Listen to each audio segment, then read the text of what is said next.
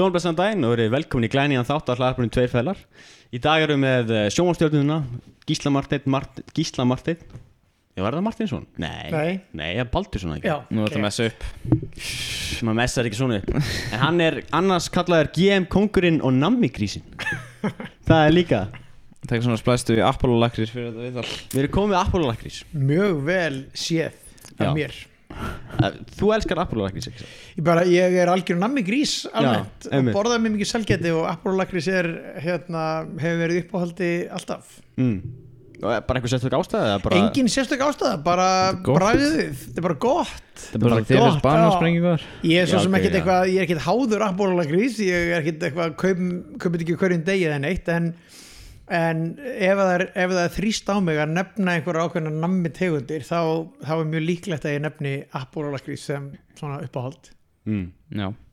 Og við erum hérna í breiðoltinu og þú ólst hérna upp í breiðoltinu Já, við erum að vísi í selja hverjunu og við Já. sem erum með breiðoltinu við gerum sko mjög strángan greinamun á hverfunum innan breiðoltsins Ok. Uh, Selin eru bara mjög góð eða seljarnir eins og við sögðum oft við sögðum alltaf fellarnir og seljarnir sem er mjög skrítið af því að þetta er auðvitað þau selin og þau fellin. En ég sérst úr hólunum. Mm.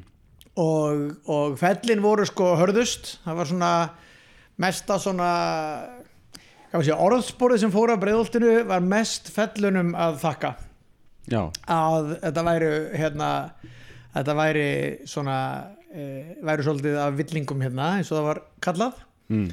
það voru samt sem voru allt saman bara topp fólk og, og við sem vorum í hólunum voru svona daldið með fellunum. Sama íþróttahúsi nýri í fellaskóla og svona og þekktumst best innbyrðis. Og svo er neðra breiðoltið og selin voru svona, maður þekkti ekkit endilega krakkana sem voru þar. Já. Þú veist, en fólk sem er ekki hérðan heldur bara að breiðoltið sé bara eitt unit. Já. En það er ekki alveg þannig. Og það heitir formlega breiðholt 1, 2 og 3 en að breiðholt 3 er sem sagt hólarnir og fellin. Og ég var í Altahólum sem að er bara beint að móta Hólaborgskóla og síðan byggðu fóreldrar mínir eh, hús í svona nýbyggingakverfi þannig að millirinn hólana og fellana. Mm. Ég var að fara yfir svona Ég fór á tímarit.is Þú veist til að leita svona Leita þér. Já, Og veist, það er mikið Fyrsta hjá þér er alltaf svona ræðukeppnir. Já fyrsta sem er á tímarit.is já, einmitt, það var sko þegar ég var í þessum ræðikefnum þá voru þær, þótt ótrúlegt með virðast, mjög töff Ok. Já, það var svona, þetta var nýtt og, og fengur rosa aðtegli, mér sé bara grunnskólakeppnir, það var bara fréttir um það í blöðunum og jafnvel í sjónvarpi að Hólabrökkaskóla var að keppa á móti árbæjaskóla í mælsku rökraðkeppnu grunnskólana. Veist, þannig að ég er eitthvað, ég og Dagur Eggertsson erum hann að 15 ára sko að keppa í ræðukeppni milli árbæjaskóla og Hólabrökkaskóla í úrslitum uh, hérna, þessara ræðukeppni í grunnskóla sem var bara skemmtilegt og, og ég man alveg hvað það var svona mikið sko stolt uh, augnablík fyrir, skól, fyrir minn skóla Hólabergsskóla þegar við unnum réttarhaldsskóla sem var svona gamall rótgróin skóli. Já. Og það svolítið eins og Gettu Betur var síðan líka þegar Gettu Betur byrjaði og Já. FB vann Gettu Betur það var svona stórt augnablík fyrir breiðoltið að fá það. Örgulega, ég meina þið eru FSU er það ekki, FSU Jú. vann held í fyrstu Gettu Betur keppnina Jú, allavega- það, einhvers leis og það, það var þetta, þetta fekk svo mikla aðtekli fjölmiðla að það var svona svolítið stórt fyrir kannski minna frægu skólana að vinna eitthvað svona. Mm. og fyrir okkur, já, og fjölmiðlar höfðu áhuga á þessu, þannig að það voru bara, þú veist, viðtöl við okkur sem vorum í ræðuliðinu og svona einhverja 15-16 ára maura að, að hérna, rífa okkur um einhver málefni, sko Já, var okkur ekki fyrsta ríkisvænt Ríkisrekið vændi? Já, það, einmitt, þetta var mjög oft einhver svona Já. umræðefni Já. Já, og, og hérna Varst þú að segja Vildur þú hafa ríkisrekið vændi Mástu það? Sko það er nú eitt við þessar ræðikeppnir að það, þú veist, maður man ekki endilega á hvorri skoðuninni man, maður var að því að Nei. mann er bara útlutað skoðun til þess að hafa Já. Já, ok Já. uh, þú veist, þetta er ekki þannig að þú hugsar ég vil fá að berjast fyrir þessu býtunum við, ég held að sko, ríkisar ekki vændi var sem sagt fyrsta keppnir mín í Vestló Já, já og það var á móti MR og ég held að, að við höfum verið með ríkisreknu vændi Já, ok. Já, og ég man að ég var með einhver svona ræðu sem fjallaði um það að við værum í rauninni allt saman, við værum öll uh, vændisfólk, við værum öll að selja okkur í einum skilningi eða öðrum. Ok. Þú veist, það var svona einhver, einhver punktur sem við ákveðum á okkur og fundi, já, ok, þetta er góð punktur, þú tekur þetta. Já. bara reyna að selja þetta. Já, hafið verið í ræðikeppnum eða? Nei, Nei, að það var einhvern veginn æfing var ekki gert til þér í Ergo. Það var einhvern veginn svona æft eitthvað svona að þú veist þeir, það er svona, þeir sem að þessu skoðum fara hérna og þeir sem að þessu skoðum fara hérna og svo áttu þú að rökraða skilur Já. af hverju og eitthvað svona. Já, og svo áttu að komast eitthvað niður stuðu og já, það meina þetta er, þetta er svolítið skemmtileg æfing sko, ég meina þú ert í einhverjum hópi oft með einhverjum bara vinum og kunningjum. Og eins og ræðuleg Vestló var eiginlega sama ræðuleg og ég hef verið í Hólabrökkaskóla hér að því við fórum, vorum bara vinnahópur sem að fórum á Bröðoltinu og í Vestló og við eiginlega urðum hérna, ræðulegið þar á samt, hérna, á samt einum öðrum félag okkar. Mm. og þá er þetta bara, þú veist, það er dreigið eitthvað umræðefni og bara, ok, heyrðu, þið þurfið að segja að um, hérna, hver er sinna gæfusmiður? Þið eru með því að hver sé sinna gæfusmiður. Þá bara þarftu að setjast niður og bara byrja, ok byrju, ok, hvað með þá sem eru fatlaðir, eru þeir sinnar gæfusmiðir, er þetta En það sést æfingin eða það Nei, það veist er, fyrir þá að þú hefur viku til þess að semja allt saman, alla ræðurnar og allt það. Já, sæll. Þannig að bara fyrstu dagarnir fara svolítið í það að reyna átta þig aðeins á umræðafninu, býtu hver eru rökin með þessu? Og svo líka hver eru rökin á móti. Og þetta er bara mjög góð svona hugarleikfemi og er í rauninni skemmtilegasta hlutin af þessu.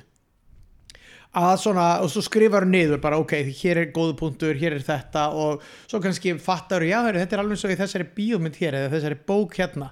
Og þá ertu svona kannski getur nýtt það er eitthvað í, í, í að byrja ræðuna eða eitthvað þannig. Og síðan eftir kannski ein, tvo daga þá fara allir í sitt hotn og byrja að skrifa ræðunar og svo klárar það og þá byrjar svona æfingatíðanbili þar sem þú ert að æfa þú veist framsögnin á þessu. Fundastjóri, góðir landsmenn eitthvað svona sko. Já. Já, en það er ekki mikið um þetta dag aldrei. Eða svona meira Eh, það eða minnum þú þetta í veist, fjölmiðlum en þessar keppnir eru allir í gangi held ég Ekki Morfís minna. Morfís og allt það Morfís og grunnskóla keppnir og allt held ég að sé alveg bara á fullu Er þetta ekki allt komið bara á netið? Allir, Jú, bara, jú. allir rífast bara um eitthvað Já, já, akkurat En ég meni ég sá að það var tróðfullt hús þegar að hérna, úrslit Morfís voru um daginn Já, æ, þá, hver var hann aftur? Það var, Það var hann að- tilkynnt Ekkert- sigurveri Já, einmitt, einmitt, Vestló já. vann Nei, Flensborg Það var með þetta Gusti B á TikTok hérna. já Já. Ég Já, vann bara- Vestló sérst Ég held að þetta væri Vestló sem var- Já, hafi unnið já. Flensborg. Þau unni í alveg. En Flensborg var sér tilkynnt sem sigurveri fyrst. Það er svo Óskarnum. Eins og Óskarnum.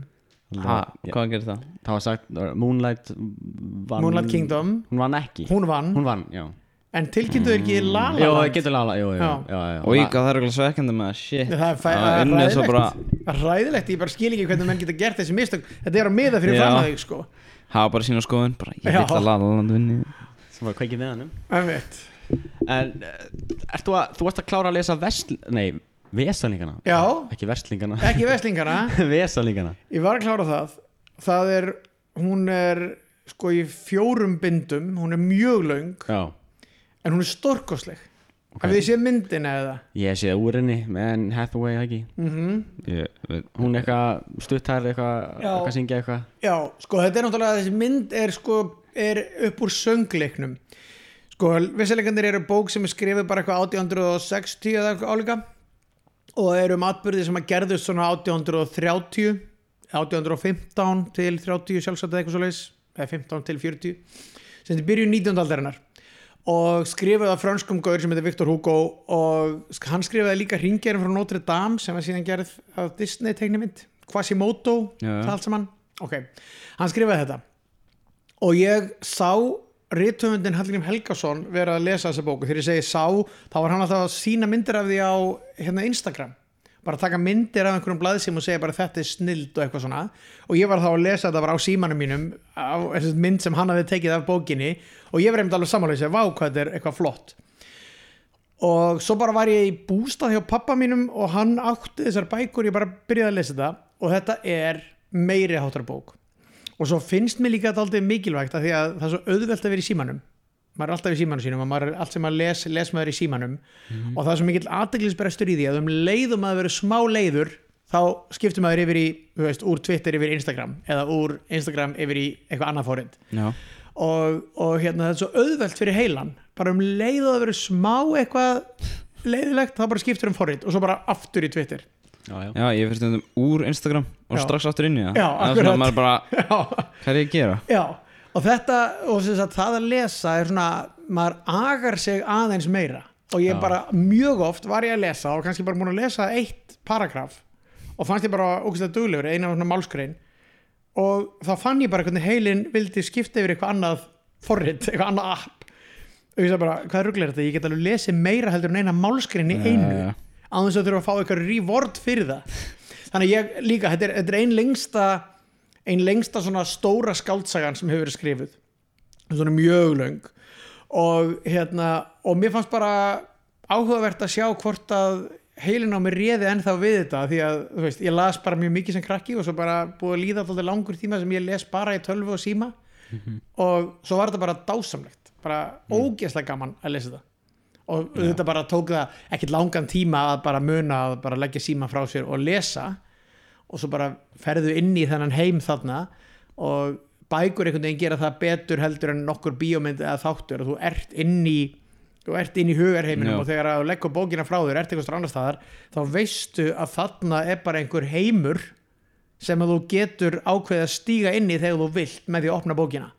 Og það er geggjuð tilfinning sko Mhm. Þú ert alveg svona dýp inn í þessi ég meina, ég, ég, hérna, þetta er ástæðan fyrir að maður les góðar bækur bara þær, þær gera eitthvað annað fyrir heilunámanni og ímyndunaraflið heldur en nokkur annar miðill getur gert finnst mér Já, já Já, maður bara ímynd þessu svolítið svona eins og sést inn í, já, eins og Já. þetta segja svona sem maður lesa Harry Potter þá svona ímynd þessu sést inn í. Hogwarts og svona að horfa á þetta gerast Já, og þeir líður á ákveðin hátt og þegar þú leggur bókina frá þér þá veistu samt sem áður af Já. þeim heimi, þetta er næstu því eins og þú veist, virtual reality Þetta nema sko. þetta er ekkit virtual, þetta er bara bók sem að gerir þetta töfra sko.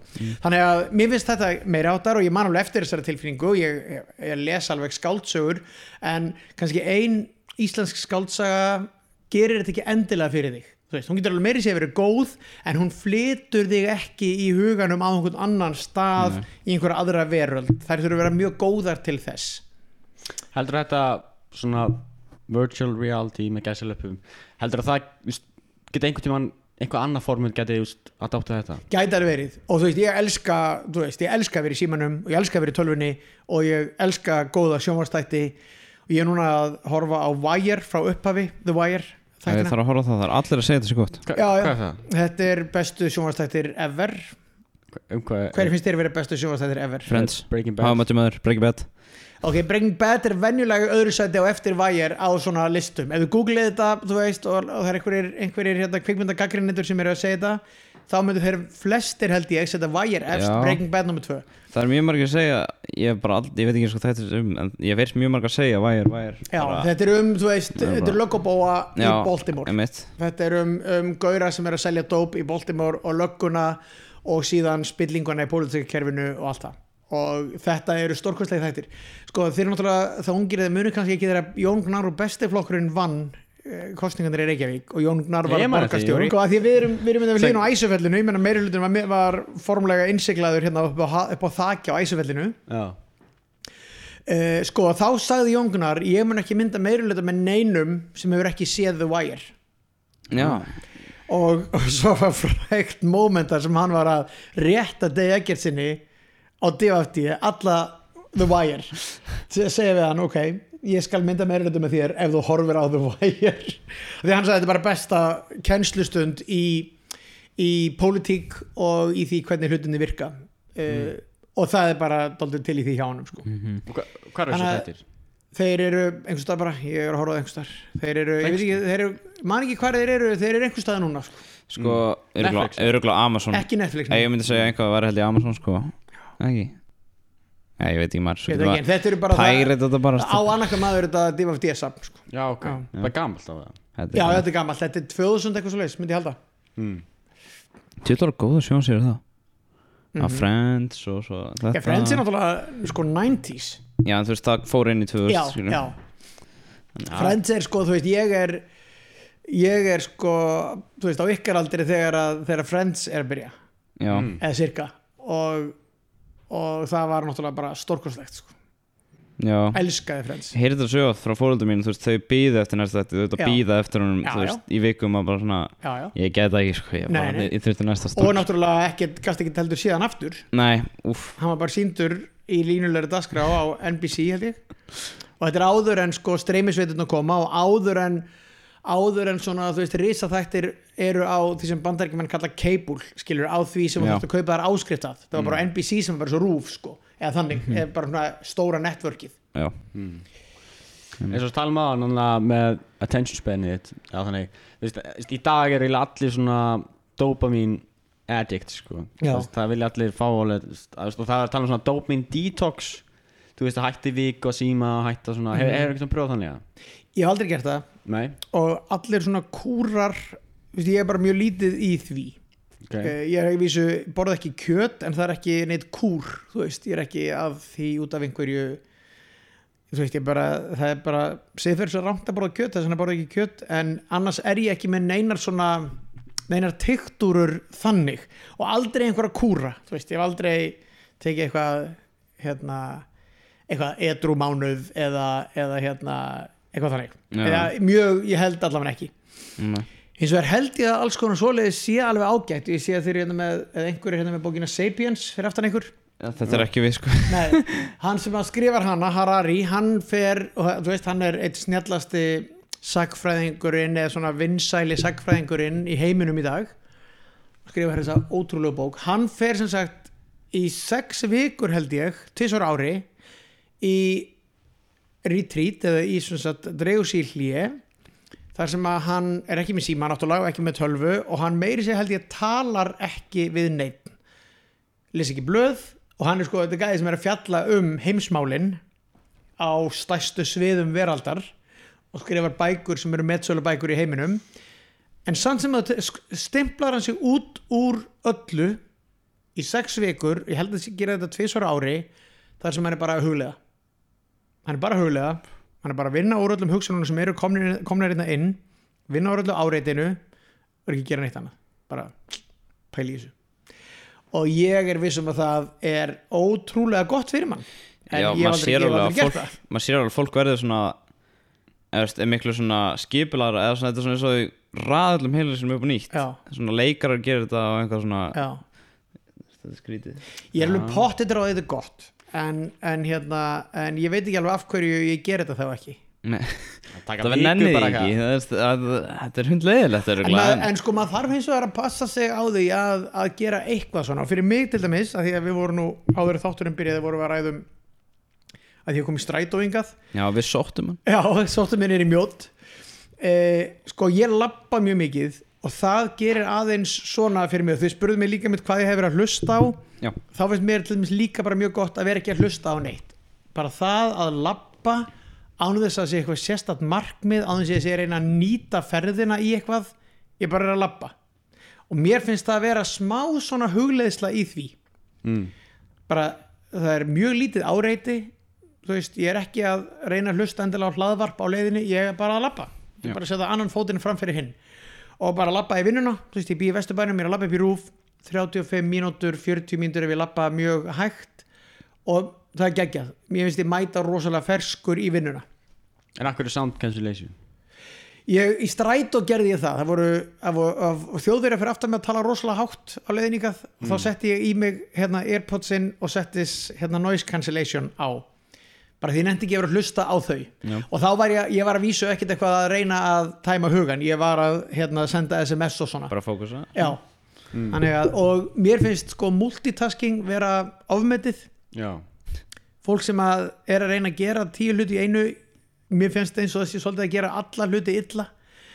Og ég til dæmis ég get ekki verið að horfa á sjónvarstætti á meðin ég er að gera eitthvað annað líka dætur mínar þær eru að horfa á sjónvarstætti og meðan þær eru að elda eða eitthvað ég, ef ég er að horfa á sjónvarstætti þá verð ég bara að vera með fókus.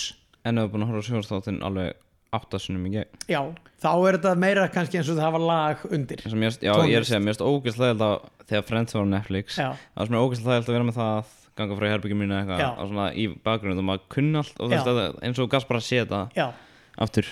Já, jú, ég vissum að það er þannig en ég ég horfi eiginlega ekkert á marga sjónvarstætti aftur og aftur Nei. weird Hvað var að gera? það flög eitthvað held ég fugl yfir Já. gluggan hann uppi Já.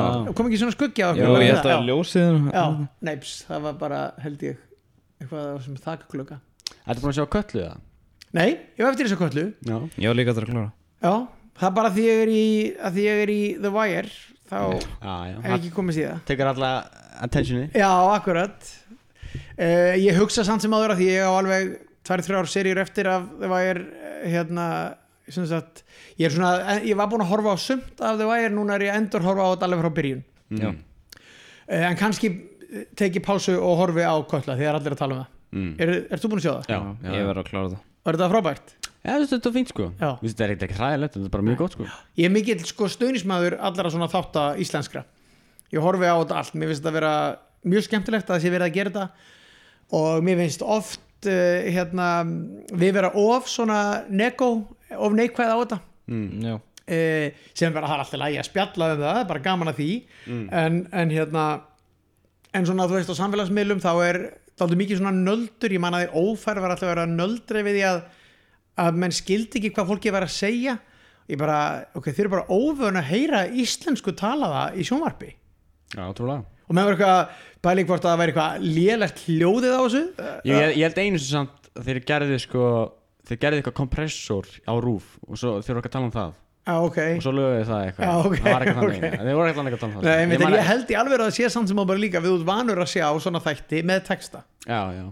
Það, Já. ég held að text, það er text á köllu sko. Þú getur það ekki íslenskan. Já, Já. einmitt.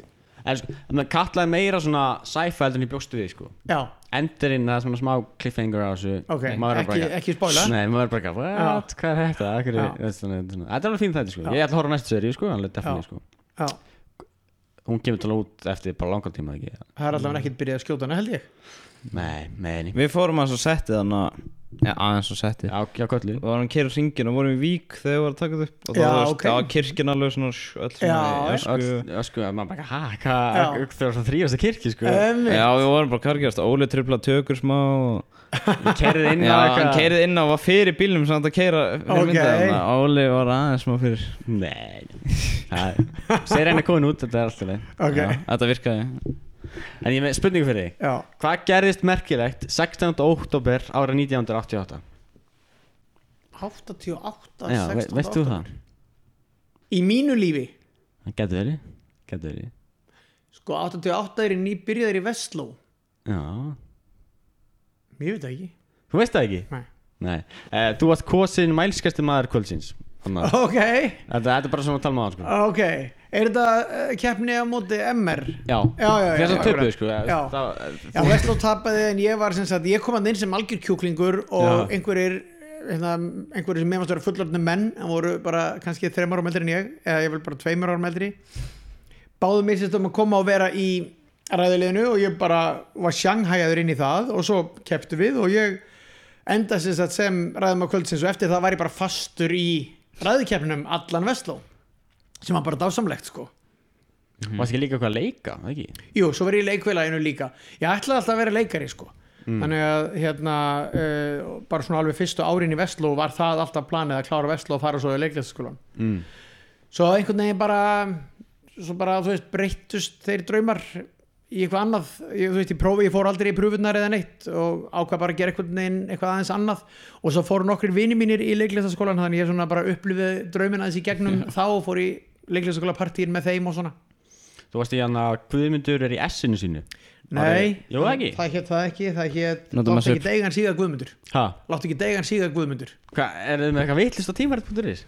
það getur verið Já, ok. Nei, býtu, var það ekki bara fyrirsögnir Guðmundur var í essinu sínu eða eitthvað líka Ha? Leikritið hétt, láttu ekki deigan síga Guðmundur Á, þú meina þannig, ég ætla að leikriti héti það Nei. Óli en ekkert mál, ekkert Já, mál þetta er, eitthvað, hægilegt. þetta er hérna býtunum við, er, ég held að þetta sé eftir Hlín Agnarsdóttur og hvort þetta er eftir, eftir Björgvins líka. Einmitt, já, já. Og þetta er svona eitthvað leikrit gerist held ég smá á hippatímanum og eitthvað svona.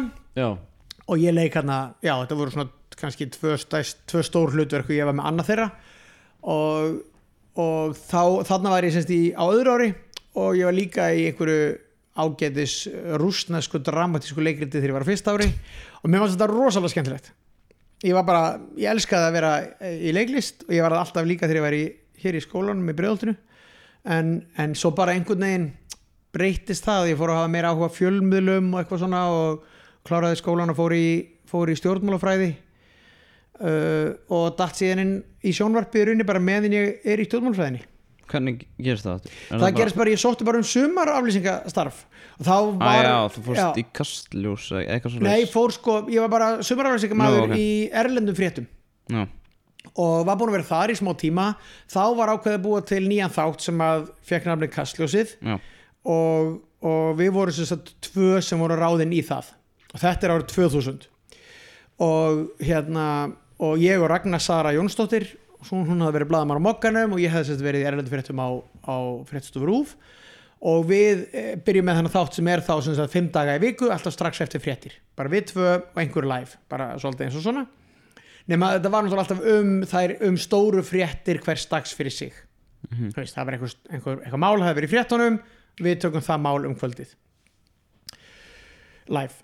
Já, tildöla ódýr pródúsjón og bara svona smá viðhengi með bara alveg svo kastlausi er núna eiginlega mitt uh, sem að það er eiginlega allar norrænu sjónastöðunar eru með svona þátt eitthvað Já. he- heitir ofta eitthvað panorama eða eitthvað og er, er svona bara þú veist aðeins dýbri aðeins dýbri greining á stærsta máli dagsins eða einhverju svona stóru máli sem er í gangi Já. þannig ég var með þetta í nokkur ár og svo hérna svo hætti ég í því og byrjaði með þátt sem heitir laugadagskvöld með Gísla Martini og er í því í smá tíma og svo hætti ég í sjónvarpinu og fer í borgarstjórn. Mitt svo kemur tilbaka og byrja að gera rauninni það sem ég er að gera núna. Já, þannig að það var svolítið vanuð að vera í beinni. Já, mér finnst að reynda var laugadagskvöld ekki í beinni við tekið upp á 50 dugum Já, og sínt á lögutaskvöldum þetta er náttúrulega aðeins, þú veist, þetta er snemma þetta er 2002, það var spaukstofan ennþá í sjónvarpinu og þeir voru líka á lögutaskvöldum þetta er smáið því við vorum að tala um Friends. Það voru alltaf sko, allir sjónvarstættir vildu vera strax á eftir Friends af því að þeir voru svo mikið áhorf. Og ég var aðeins þannig að ég var held ég á undan spaukstofunni og svo kom hún á eftir mér. Þannig að, þannig að lögutaskvöldi mitt og spaukstofan voru sagt svona samloka. Og ég naut bótið góðs af því hvað spaukstofan var vinsæl. Þannig að sá þáttur spjallþáttur minn var með fáránlega mikið áhorf ég var, þú veist, ég var þrítur þegar ég byrjaði með hennar þátt mm.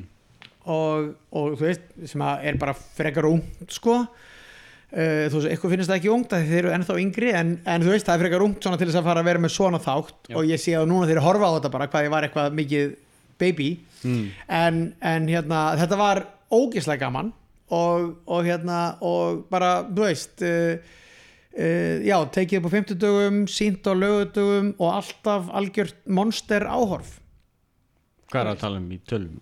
ég meina það var yfir 50% áhorf sko, veist, það var bara, Sem- það var sem bara þið- meiri hluti þjóðarinnar Já, bara var að horfa, 50% sko. þjóðarinnar. Já, Damn, Já. Jesus. Já. Það er ekkert annað. Þá lítur það að vera bara eitthvað superstar á Íslandi. Að þú veist með já, já, ég meina það var já, já, þá var þetta, þú veist þetta var alveg risastórt. Og náttúrulega bara, þetta er fyrir tíma Netflix og allt svona, þannig að það bara voru allir að horfa á sjónvarpið Já. þú varst ekki með einhverjar aðrar efnisveitur. Þú veist, auðvitað það komið alveg stöðu tvö og svona og þau voru með eitthvað annað á daskra á móti. En, en hérna, en við alveg þú veist, lögutaskóldin á rúf algjörlega rústuðu þessu á þessum tíma.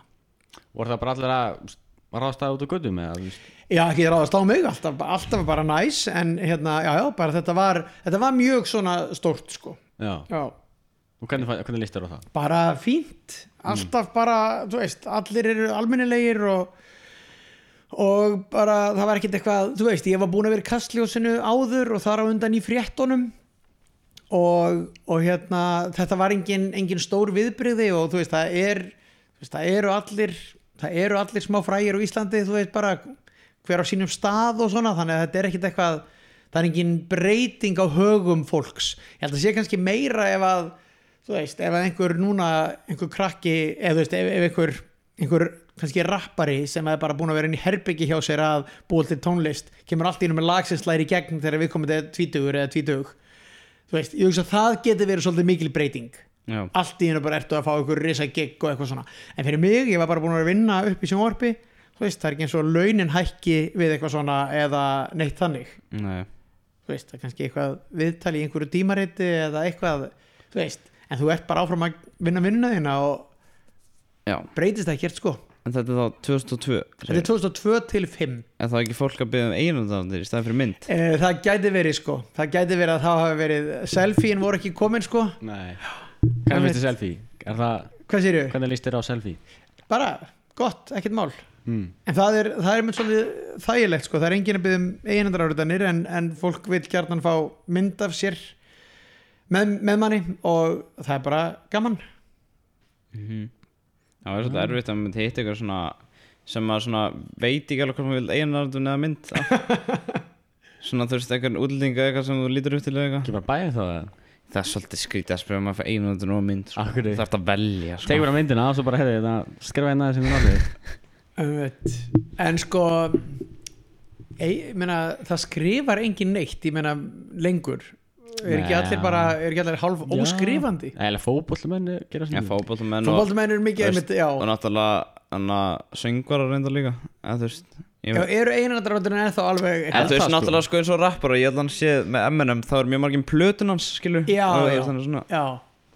Líka dýrar að geta selta Já, þú veist er líka bara að eiga eftir bara ok, einmitt. Já, já. Já, já, ok en, en hérna, en já, ég er sko, mér finnst ekkert mál ef einhver, ef einhver byður um eitthvað svo reis mm. ég neitt, mér finnst það bara gaman að því sko. Hvað hva ertu í lórið gamall Lilla núna? ég er 49 ára, fætti 72 Já Það er Fólk heldur kannski eitthvað Gísli Marteinn skin routine eða eitthvað. Er það ekki eitthvað ég, Þú verður að gera svolítið svo TikTok eða eitthvað Já, ég er, ég er ekki á TikTok. Nei. Ég er á öllum öðru samfélagsmiðlum en ekki á Það TikTok er bara fake accountin um það. Já, það er Hann- fake account. follow- okkur. það bara að heyra? það? Já.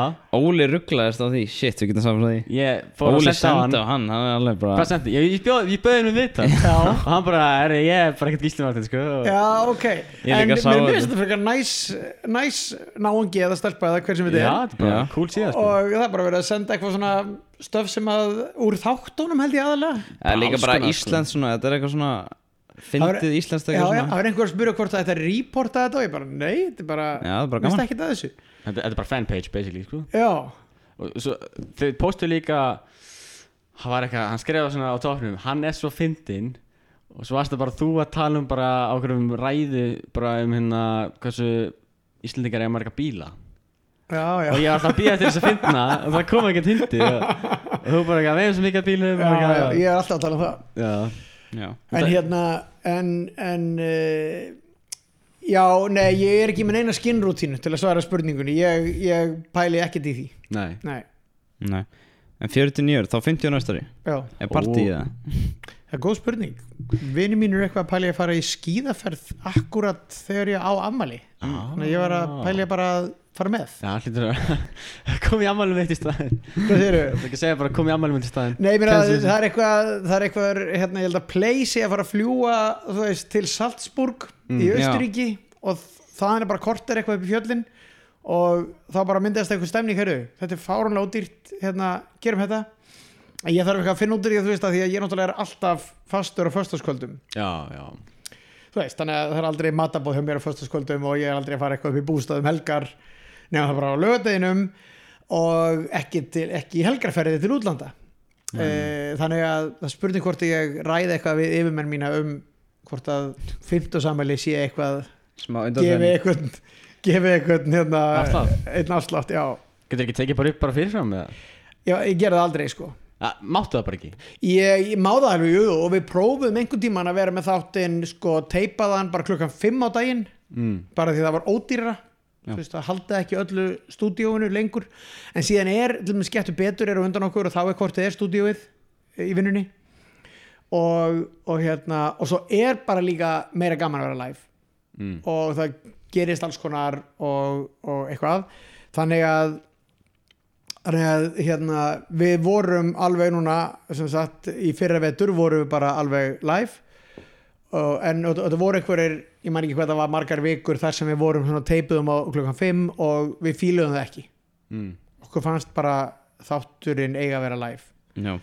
Eins og komið ljós þegar að byrjaði að gjósa í miðan þætti hjá okkur. Mm, Ég var alveg með þetta já já, við gætum, gætum tilkynnt það sko. Já, og það er, þú veist, og alls konar svoleiðis. Og bara núna, þú veist, það er kostningar í vor, nei, í haust og vor hérna, uh, alþingiskostningar núna í september og þá getur alls konar gerst bara meðan maður er í loftinu, til dæmis er við erum við í loftinu strax á eftir þú veist, debattunni í sjónvarsal kvöldi fyrir kostningar Mm. þú veist, og þá bara viltu vera live þannig að þú vilt vera alltaf nýjasta sé inn í þættinum Já. já, Og svo er líka með hana, er ekki með Twitter hana, jú, svo er það það. náttúrulega live þannig að við getum brugðist við því ef einhver segir á Twitter heyrðu, það er verið að tala um þessi flottu jakkafut sem þú ert í hvað Mm. var verið að splæ, skilur það var hægt að taka það inn Mm.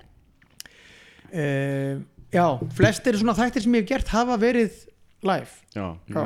Ekkert stress í læfið það jú, jú, og það er það sem er gaman sko. Þetta er gaman að vera svona á tánum svona, já, bara að þurfa þá að redda sér ef eitthvað klikkar.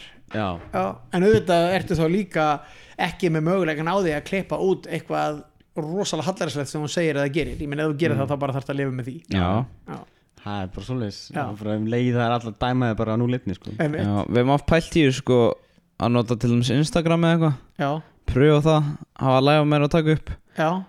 Bara veit ég alveg með það sko. Það væri bara alltaf spes sko. Já, að eða þú veist, horfa á TikTok eða það væri horfa svona á líka live, alveg sko. meiri svona já, aftur eins og sem pressa eða svona meiri svona já, já, þá svona er maður ekki svona rólegur eða þá er maður svona einmitt, Má oft lendi að fólk segir Já, kötti þetta bara út bara og, einmitt. Já, og maður bara, já, ok já. miklu þær líka á fyrir gestinu mitt að vera kannski bara, Maður er að velja góða gæst sem getur gert það bara Pétur Jóhann eða eitthvað hann er Mér, Við byrjum að horfa á vikuna sko, við fjöl- fjölskyldan í kóðinu sko, og Já, ok. hefum bara svona rútínu á mig gaman sko. Minn uppáhaldstáttur er hérna, hérna með hérna stjórnmála hérna koninni hérna fyrir hérna fyrir fólki eða hvað heitir það já, Inga Sæland, held það já flokkur fólksins flokku fólksins Já. já. og svo komum að Basim Ras Basim Mirage Já. og með hann að dansinn og, Já.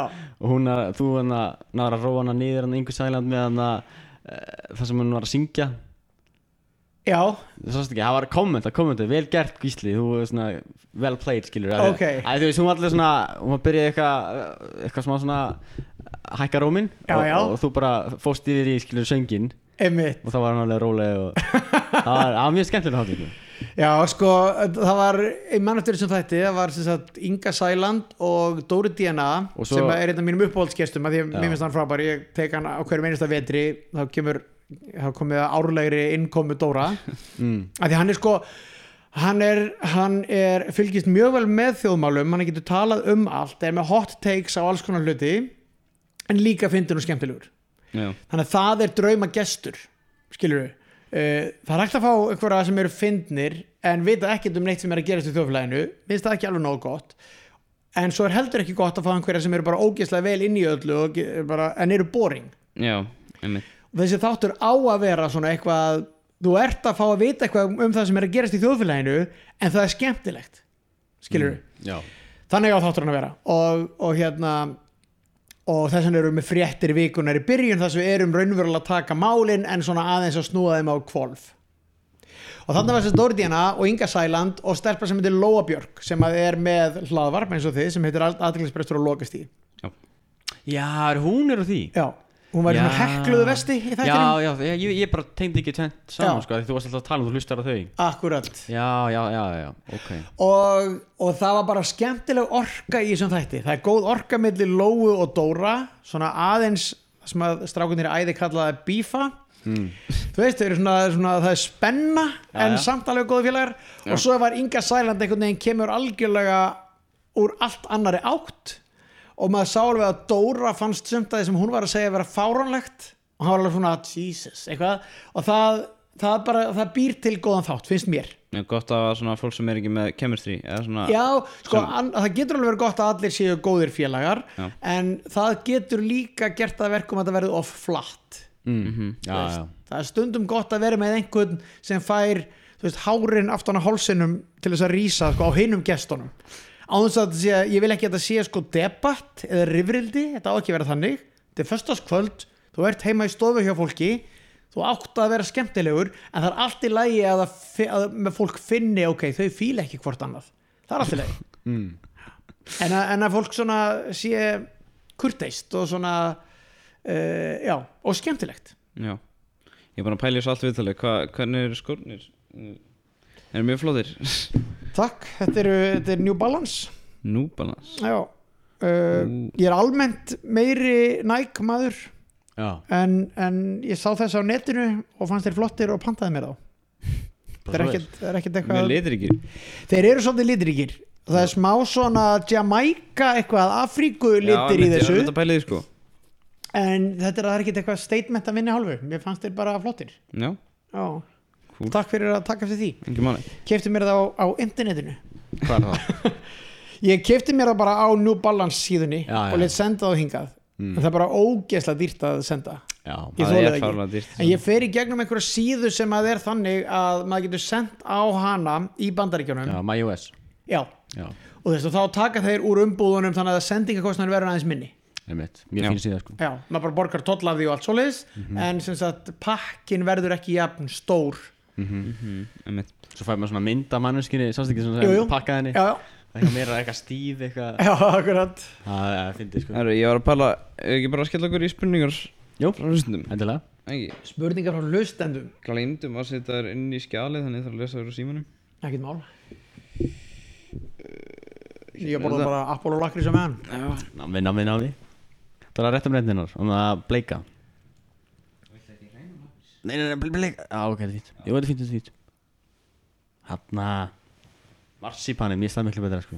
Mm, það er gott. Mér er treyl lakri svo góður sko. Ég skilja það ekki alveg sko. Við erum, kann- við erum alveg mökk með e Hvað er þetta? Mukbang. Mökkbæng eða Hvað heitir hann að sound effect lögin? Ég veit það ekki alveg. Jú, A- ASMR Ég Chewing en það ASMR Já. Við gíslimartin Ég kom með það Herru, fyrsta spurning er Hvernig var að starfa í ríkistjórninni? hmm. Hvernig var að starfa í ríkistjórninni? ok þetta er bara mjög áhuga ég hef aldrei starfað í ríkistjórn Nei, já, einmitt en bara, ok, ég hugsa að það sem að Ég er um spyrillin mýta er að meina er borgarstjórnin Mhm. eða bara hvernig er að vera í pólitík Já, ég definitely ætla að lefa mér að tólka spurningun á þannig Mhm. Það er mjög gaman. Ok. Ég var sett í borgarstjórn sem að er ekki ríkistjórn og er ekki alþingi heldur er engöngu að sjá um málumni Reykjavíkur. Og þá erum við 15 borgarfulltrúar og við erum bara kosin. Og ég sé þetta næstu því bara eins og þetta sé stórt húsfélag fyrir Reykjavík. Mm. við erum bara 15 manns og við erum kosin til þess að sjá um borgina í fjögur ár. Mhm. Og öfugt við alþingi þar sem að ríkistjórnir geta sprungið og svona, þú veist, einna, það þarf að kjósa aftur ef eitthvað fyrir fokk. Í borgarstjórnir er ekkert svo leis það er bara 15 manns, eða voruð 15 manns, nú eru þau fleiri voru 15 manns kostnir og við áttum bara að sjá um þetta. Og borgarstjórn er í sjálfu sér alveg sama, eða kerfinu er alveg sama úr hvað flokkið þú ert eða eitthvað svo leiðis það er ekkert, það er engin ríkistjórn í borgarstjórn. Það er bara 15 manns í borgarstjórn og þau bara þurfa að koma sér saman um það hvernig á að gera hlutina. Á að vera góð strætó eh, á að leggja nýja götu fyrir bíla eh, á að vera ókeipis matur fyrir krakka í grunnskólum eh, hversu ofta á að sækja rusli til fólks basic svona hlutir. Og ég hef bara, ég hef mjög mikið áhuga á þessum málum öllum, kannski mestan áhuga á svona skipulags og samgöngumálum. Þú veist, ég meina við erum í þetta breiðolturum hversu, hversu hátt á þetta hús að vera þegar er verið að byggja þetta hverfi hérna. Hversu þjætt á byggðin að vera hversu margir krakkar eiga að vera í þessu hverfi. Allt þetta, eiga að vera hjólastígar eða eiga bara að vera bílagötur. Hversu mörg bílastæði eiga að vera per íbúð. Þetta þarf allt saman að ákveða. Og þetta er ekki eitthvað bara sem er ákveðið bara svona í loftið það því að þá er bara veist, leggur nákarniðinn bara á grasinu í garðinum hjá þér. Þú veist að þau eru einhverja reglur með þetta. Já. og borgarstjórn býr til það reglur og bæjarstjórnir út um all land mér finnst þetta eitt af það skemmtilegasta sem ég hef gert að vera stúsast í þessu. Það sem er ekki gaman við þetta Já. er að þú ert í stjórnmálaflokki og stjórnmálaflokkar eru ágætir að mörgu leiti en þeir eru verri að ímsu öðru leiti það er að sumu leiti svolítið skrítið að, ég menn þú ert með einhverja skoðinar á því hvernig þú átt að gera hlutina en þú þarft að vera í einhverjum flokki og í flokki sem þú ert og það skiptir ekkert máli í hvaða flokki það er, getur verið hvaða flokkur sem er það er fullt af fólki sem er með allt aðra skoðunar á þessu heldur en þú. Sjáðu bara vinstir græn ég meina þau eru bara rosalega ósamála um það til dæmis hvort að það eigi að setja meiri skatt á bensín. Sumir vilja setja meiri skatt á bensín af því að bensín skemmir jörðina.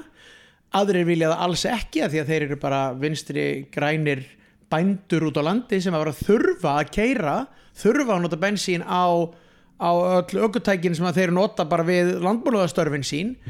Þannig að þú ert bara einhverjum flokki sem er bara algjörlega ósamála um þetta. Og þá er einhver innanflokks átök og svona í þessu. Og það var sama í flokknum sem ég var í sem var sjálfstæðisflokkurinn. Ég vildi góðan strætó, ég vildi fleiri hjólastíga og ég vildi minni bílaumferð.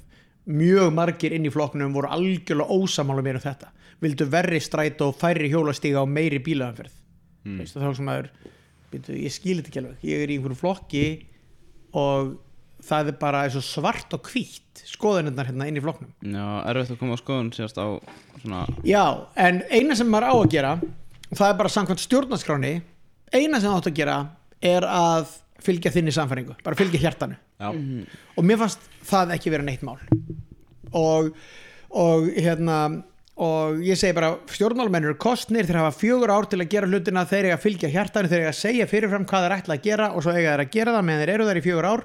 Og svo bara kemur ljós hvort þeir halda áfram eða ekki eða hvort að fólki sem kaust á áður vil áfram kjósa þá. Já, þá eða þau. En fyrst maður er að fara eftir sín eigin skoðun. Mhm. Akkur er það ekki bara hægt að fara bara á flokklaus? Akkurat, persónukjör. Já, er það ekki hægt? Nei, það er ekki hægt. Þegar þú býður fram í borgarstjórn þá verður að bjóða fram lista með 30 manns.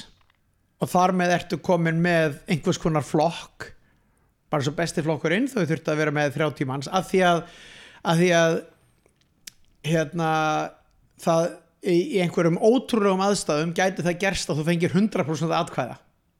Mm. þá þarf það að vera með 15 manns tilbúinu til þess að setjast í borgarstjórn og 15 manns til vara. Þannig að þú þarft að vera með 30 manna lista og í alþingiskostningum er þetta ennþá flóknara vegna þess að þá viltu bjóða fram í öllum kjördæmum. Þannig að þú ert með stóran lista í Reykjavík söður og Reykjavík norður og þú ert með í söðurlands kjördæmi ertu með stóran lista og allt í kringu landið. Og þá ertu bara komin með eitthvað, ég veit ekki, tugi fólks hundruð, ætla þessi ekki á annað hundrað eitthvað, ef þú leggur þetta allt saman sem eru þá einhvers konar flokkur sem að þú þarft að halda utanum veist, þannig að ég, það- ég er ekki að segja að þessi auðvelt að finna eitthvað annað kerfi en, en hérna mér finnst skipta mestu máli að það sé gott fólk í öllum flokkum og þetta góða fólk sé á toppnum þess vegna myndi ég helst vilja vera skráður í alla flokka og kjósa í öllum prófkjörum til þess að fólki sem mér finnst vera frábært komist að Megar þetta sens? Já, já, uh, já. Hvaðan fær, fá flokkandi pen, penning? Þeir fá það þeir fá núna pening frá bara skattgreðendum of mikið að mínu mati uh, þú veist stjórnmálin eru orðin mjög svona ríkisvætt og flokkandi fá bara mjög mikið pening frá ríkinu til þess að reka sig. Áður var þetta þannig að menn þurftu að sapna styrkjum frá fyrirtækjum eða fólki Uh, og hugmyndin var að þetta var kemur vera freka frá skattgreðendum þannig að fyrirtækin væru ekki að setja pening inn í stjórnmálin og þá væru svona hagsmunatengsl. Þannig að stjórnmálmenn segðu þeir ok, við skuldum og hérna eimskip skilur þeir gáðu okkur mikið pening. Við þurfum að vera góð við þá, við þurfum að breyta þessum lögum hérna, fatið þið? já, og ég skil alveg þá hugsun. Mm, en hérna en ég held að, ég held að heldur ekki gott að þetta sé algjörlega bara á á ríkisspena, ég held að sé ekki gott fyrir stjórnmálin, ég held að sé ágætt að stjórnmálflokkar séu svona smá uh, bara þurfi að segja, heyrðu, menn þú að styrkja okkur og svo held ég sé bara líka ágætt að þeir eigi minni penning Og þeir bara gera auðlýsingar svona já, ég bara held ég ágætt að þeir auðlýsa aðeins minna Já, og eigi aðeins minni penning og hérna og þú veist uh, þurfum við bara frekar að koma til fólks og hitta það. Við erum ekkert mjög mörg hérna sko. Nei, nei, nei, nei, nei. Heldur þú vilja fara eitthvað svona aftur í stjórnmál? alveg eins Já, já, ok. Ekkert endilega ég og ég er alls ekki að stefna að því. En, en hérna mér finnst þetta mjög gaman en það væri þá alltaf borgarstjórn sko. það væri ekki alþingi, ég er ekki þú veist, ég, ég, mér finnst það ekkert gaman að pólitíkinni sjálfur en mér finnst bara málefnin sem er verið að takast á um í borgarstjórn vera ógeðslega mikilvæg. Ég meina eitt bara lítið dæmi, hérna rétt hjá okkur þeir eru ekki úr seljakörfinu þannig að kannski þekki þetta ekki, en hérna rétt hjá okkur er sko æðislegur mói æðislegt útvistasvæði, milli í rauninni seljakörfis og kópavóks Hóllina það? Já, ekki vassenda hóllina sem að skýða svæðið er heldur bara þar við hliðina. Já, uh, sem er í rauninni bara hérna náttúra Já, bara ósnortin náttúra milli seljakverfis og kópavóks þú getur, þú veist, ef þú ert á bíl og tekur þér langan tíma og mikla krókaleðir að keira þaðan yfir í kópavók en þú ert lappandi og þú ert fimm mínútur yfir. Ég veit ok, hvað það er já. það svæði það stendur til að setja götu þar og þetta er bara svona ekta mál sem að sko fólki sem býr hérna í hverfinu er bara að segja nei, ekki þessa götu. Veist, við bara krakkarnir okkar að leika sér þú veist, það er ekkit gott að koma eitthvað 14 bílar og sólarhing sem að keira þarna framhjá. Bara með látum og einhver mun síðan lenda í slísi og alls konar og bara svifri ykkur eitthvað. Og þetta eru ekta svona mál sem er ótrúlega nálagt manni og ég hef mjög mikið áhuga á öllum svona málum. Uh, setja mig inn í þau reyna, veist, finna rökin báðu megin mynda mér afstöðu og sagt, þessi gata sem er ekki anþá búið að gera, hún á að mæta breiðholtsbrautinni sem við hérna, vorum að keira hérna framhjá rétt á hann á að mæta henni á svona mis, eða átti að mæta henni á mislagum gatnamótum sem að væru risastór og eru beint fyrir gluggan í blokkanum indi fellunum bara mjög ljótt og þetta er bara basically onni í elliðardalunum og ég er alveg á móti þessu og tók mikinn slag þegar það var að gera aðalskeipula fyrir Reykjavík og sagði bara engin mislega gatnamót þarna. Og hafði það í gegn með öðru góðu fólki. Þannig að núna er búið að breyta því þannig að þetta á ekki lengur að vera mislega gatnamót sem sumir vilja. Allar svona ákvarðanir skipta svo miklu máli vegna þess að ef það eru byggð mislega gatnamót eða ef það er byggt risastort hús eða eitthvað það mun standa þetta næstu hundrað árin. Og það skiptir Já. bara rosa miklu máli. Þannig að mistök í skipulagi eru svakalega dýrkeift af því að það er einhvern veginn enginn kannski að fara að það er enginn að fara að brjóta niður hótelturn sem þú samþykir og er 24 hæðir jafnvel þó svo hann verði ömulegur og allir öllum finnist það Mhm, einmitt. þannig að það skiptir bara útrúlega miklu máli að kynna sér málin og reyna að taka réttar ákvarðanir og það er, það er ástæðan fyrir að ég fór sko í nám í svona borgarskipulagi eftir að vera búin að vera í nokkur ári í borgarstjórn því ég fattaði bara, heyrðu ég þarf að vera bara með betri bakgrunn til þess að geta tekið ákvarðanir hratt Því það er bara að vera búin að læra þetta aðeins betur Fórst til Harvard ekki? Jú, en fyrst fór ég til Edinborgar og svo, svo fór ég í Harvard já. bara svona gráðu í borgarstjórn bara, bara Já, í, eða borgar, í svona borgarmálum svona, borgarmálum gráðan sem ég, sem ég tók heiti bara The City Já. Já. Í Harvard þá? Nei, í Edinborg Og hvað varst að gera í Harvard? Í Harvard var ég hérna líka að læra um þetta sama uh, bæði, báðar þessar eða bæði þessi uh, nám þau námin það, já, námið á báðum stöðum var sem sagt í arkitektadeildinni fyrst í Edinborg og síðan í Harvard. Það er sem sagt, heitir Harvard Graduate School of Design sem er svona arkitektúr og skiplasmál og þar var ég svo kallaður fellow sem er svona, þá ertu með fellowship þar sem að þar sem að þú ert ekki nefandi en þú ert samt sem áður að sækja tíma. En ef að til dæmis einhver einhver af nefendunum var að gera verkefni þar sem að einhver skiplagsmál eða tala ekki um eitthvað hjólastígar eða eitthvað svoleiðis var til umræðu þá vissu þau að ég var svona semi-nefandi og gáttu komið til mín með, með svona smá leiðsögna þau vissu að ég var með hands-on reynslu í þessu. Já, og þannig að ég var svona maður svona mitt og millið þess að vera leiðbyrnandi og nefandi Já. Já, það er það sem að, það heitir að vera fellowship og þetta er oft gert fyrir svona fólk sem er komið með svona smá reynslu ætlar ekkit endilega að ná sér inn eina gráðu það komið með gráðuna sem það vill en vill samt sem á að læra eitthvað meira. Og það var, það var sem ég gerði þarna þennan vetur sem ég var í, í Harvard. Var ekki upplifun að vera í Harvard? Já, stórkostlegt. Það var algjörlega meira áttar við fórum út, öll fjölskyldan. Þannig að dætu mínar voru þú veist í amerískum, þú veist, skólum og svona sem að er svona Grunnskóla þá það? Uh, önnur var í grunnskóla og hinn var í high school. Já Hva- Hvar, hvar er þetta eiginlega? þetta er í Boston.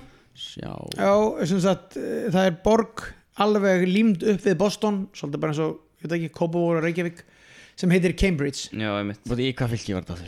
Massachusetts. Ég er í svo lélega land Hvað er aftur Massachusetts? bara beintur ofið New York. Þú veist, New, Ah, New ok, York, ok, ok. Boston er bara klukkutíma flug. Já, ok, þá hef ég verið nált þarna. Já, þú veist, maður er þrjá fjóra tíma að keira frá Boston auðvitað New York Og var þetta eitt ár þá? eitt ár og bara stórkvæslegt þú veist, ótrúlega gaman að vera þarna Boston er sem sagt hluti af sæði sem er kallast New England, því að menn sildu frá Englandi þarna yfir og það eru mörg svona mjög lítil fylki veist, Vermont Mhm. og hérna og, sagt, og Massachusetts og eh, hérna þú veist, hvað, hvað fleiri ætla þarna Maine og, og þú veist, nokkur svona uh, nokkur svona lítil lítil fylki sem að saman eru kölluð New England. Já, Næs einmitt. Þannig að þar læru fína ensku þá. Uh, ég, ég talaði alveg ennsku ég ég hef búin að vera í. Edinborg áður Já, sko. ég það, þó ég veit þeir tala náttúrulega Ertu líka skosku alveg búin að vera út í útlöndum eða ekki, varst að vinna hjá okkur flugfélagi og Já, rétt, já, sko einmitt Fyrst getur mér flutti almenna til útlanda þá fór ég og var flugfreyja í Sáti Arabíu í einhver tíma. Uh, í, í ég veit ekki, átta mánuði eitthvað svo leis og svo fór ég þaðan og bjó í Þískalandi mm, það var svona skiptinám á vegum háskólans, heitir Erasmus. Já.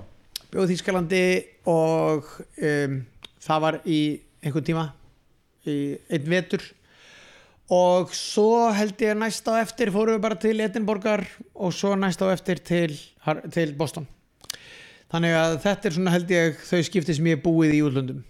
Og eitthvað næst eða, planaða ég veit það ekki, mér hefur alltaf langað daldið til þess að prófa að búa í einhvern tíma á einhverjum af hinnan Norðurlandana Ok, Já, uh, var þá, hvað var þá efst þér? Eða svona- ég hugsaði að vera annarkvæmt köpun eða Stokkólmur Já, ok, ok. Mhm.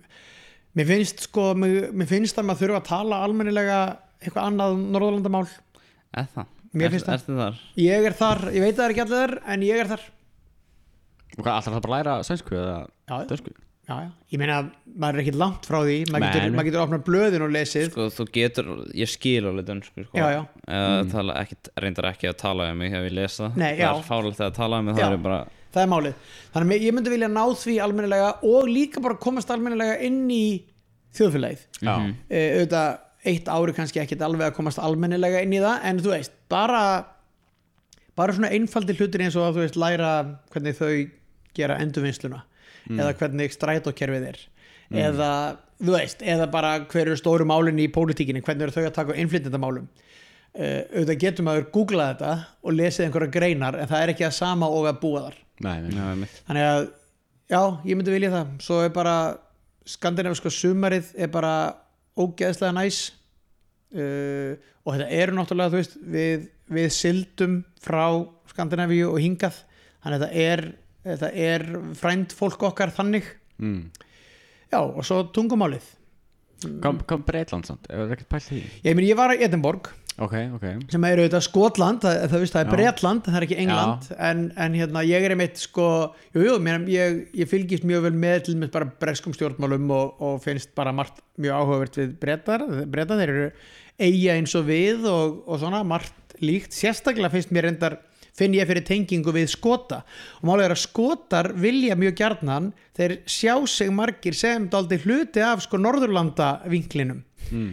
veist, þeir, þeir þóleiki englendinga sem eru fyrir neðan sig en þeir horfa mjög mikið upp veist, í norður mjög margir, sko, helmingur skota vill vera sjálfstæður Ok, vill, Já. fá, vill rjúfa sig frá Englandi sem hluti af Bretlandi og sjá frekar bara samstarf með þjóðunum í kringum þú veist, Norðursjó og bara Danmörk er rétt hjá og, og, hérna, og sjá Ísland og þessi lönd sem hafa, eru sjálfstæð og hugsa, okkur eru ekki meira eins og þau?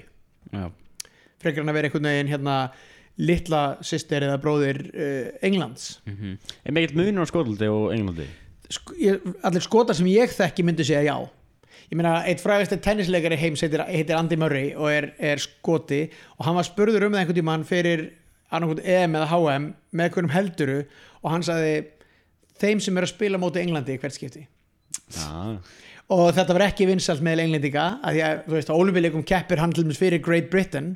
Mm. Uh, þannig að hann hefur svona aðeins dreigið þetta komment í land. En þetta er svona smá þetta er smá uh, viðhorfið hjá mjög mörgum svona stoltum skotum. En það hafa englendingar verið ógeðslegir við skota svolítið í sögulegu samhengi. Já, en skotar eru ekki englendingar, þetta er aðeins önnur þjóð og eru mjög, er mjög stolt þjóð með svona svolítið sína eigin venjur og hefðir eiga mörguleiti miklu meira sammeilegt með Írum heldur en með englendingum. Og veist, Írar eru sjálfstæð eiga og skotar bara vilja, mjög margir þeirra helmingur þeirra uh, vil vera það líka.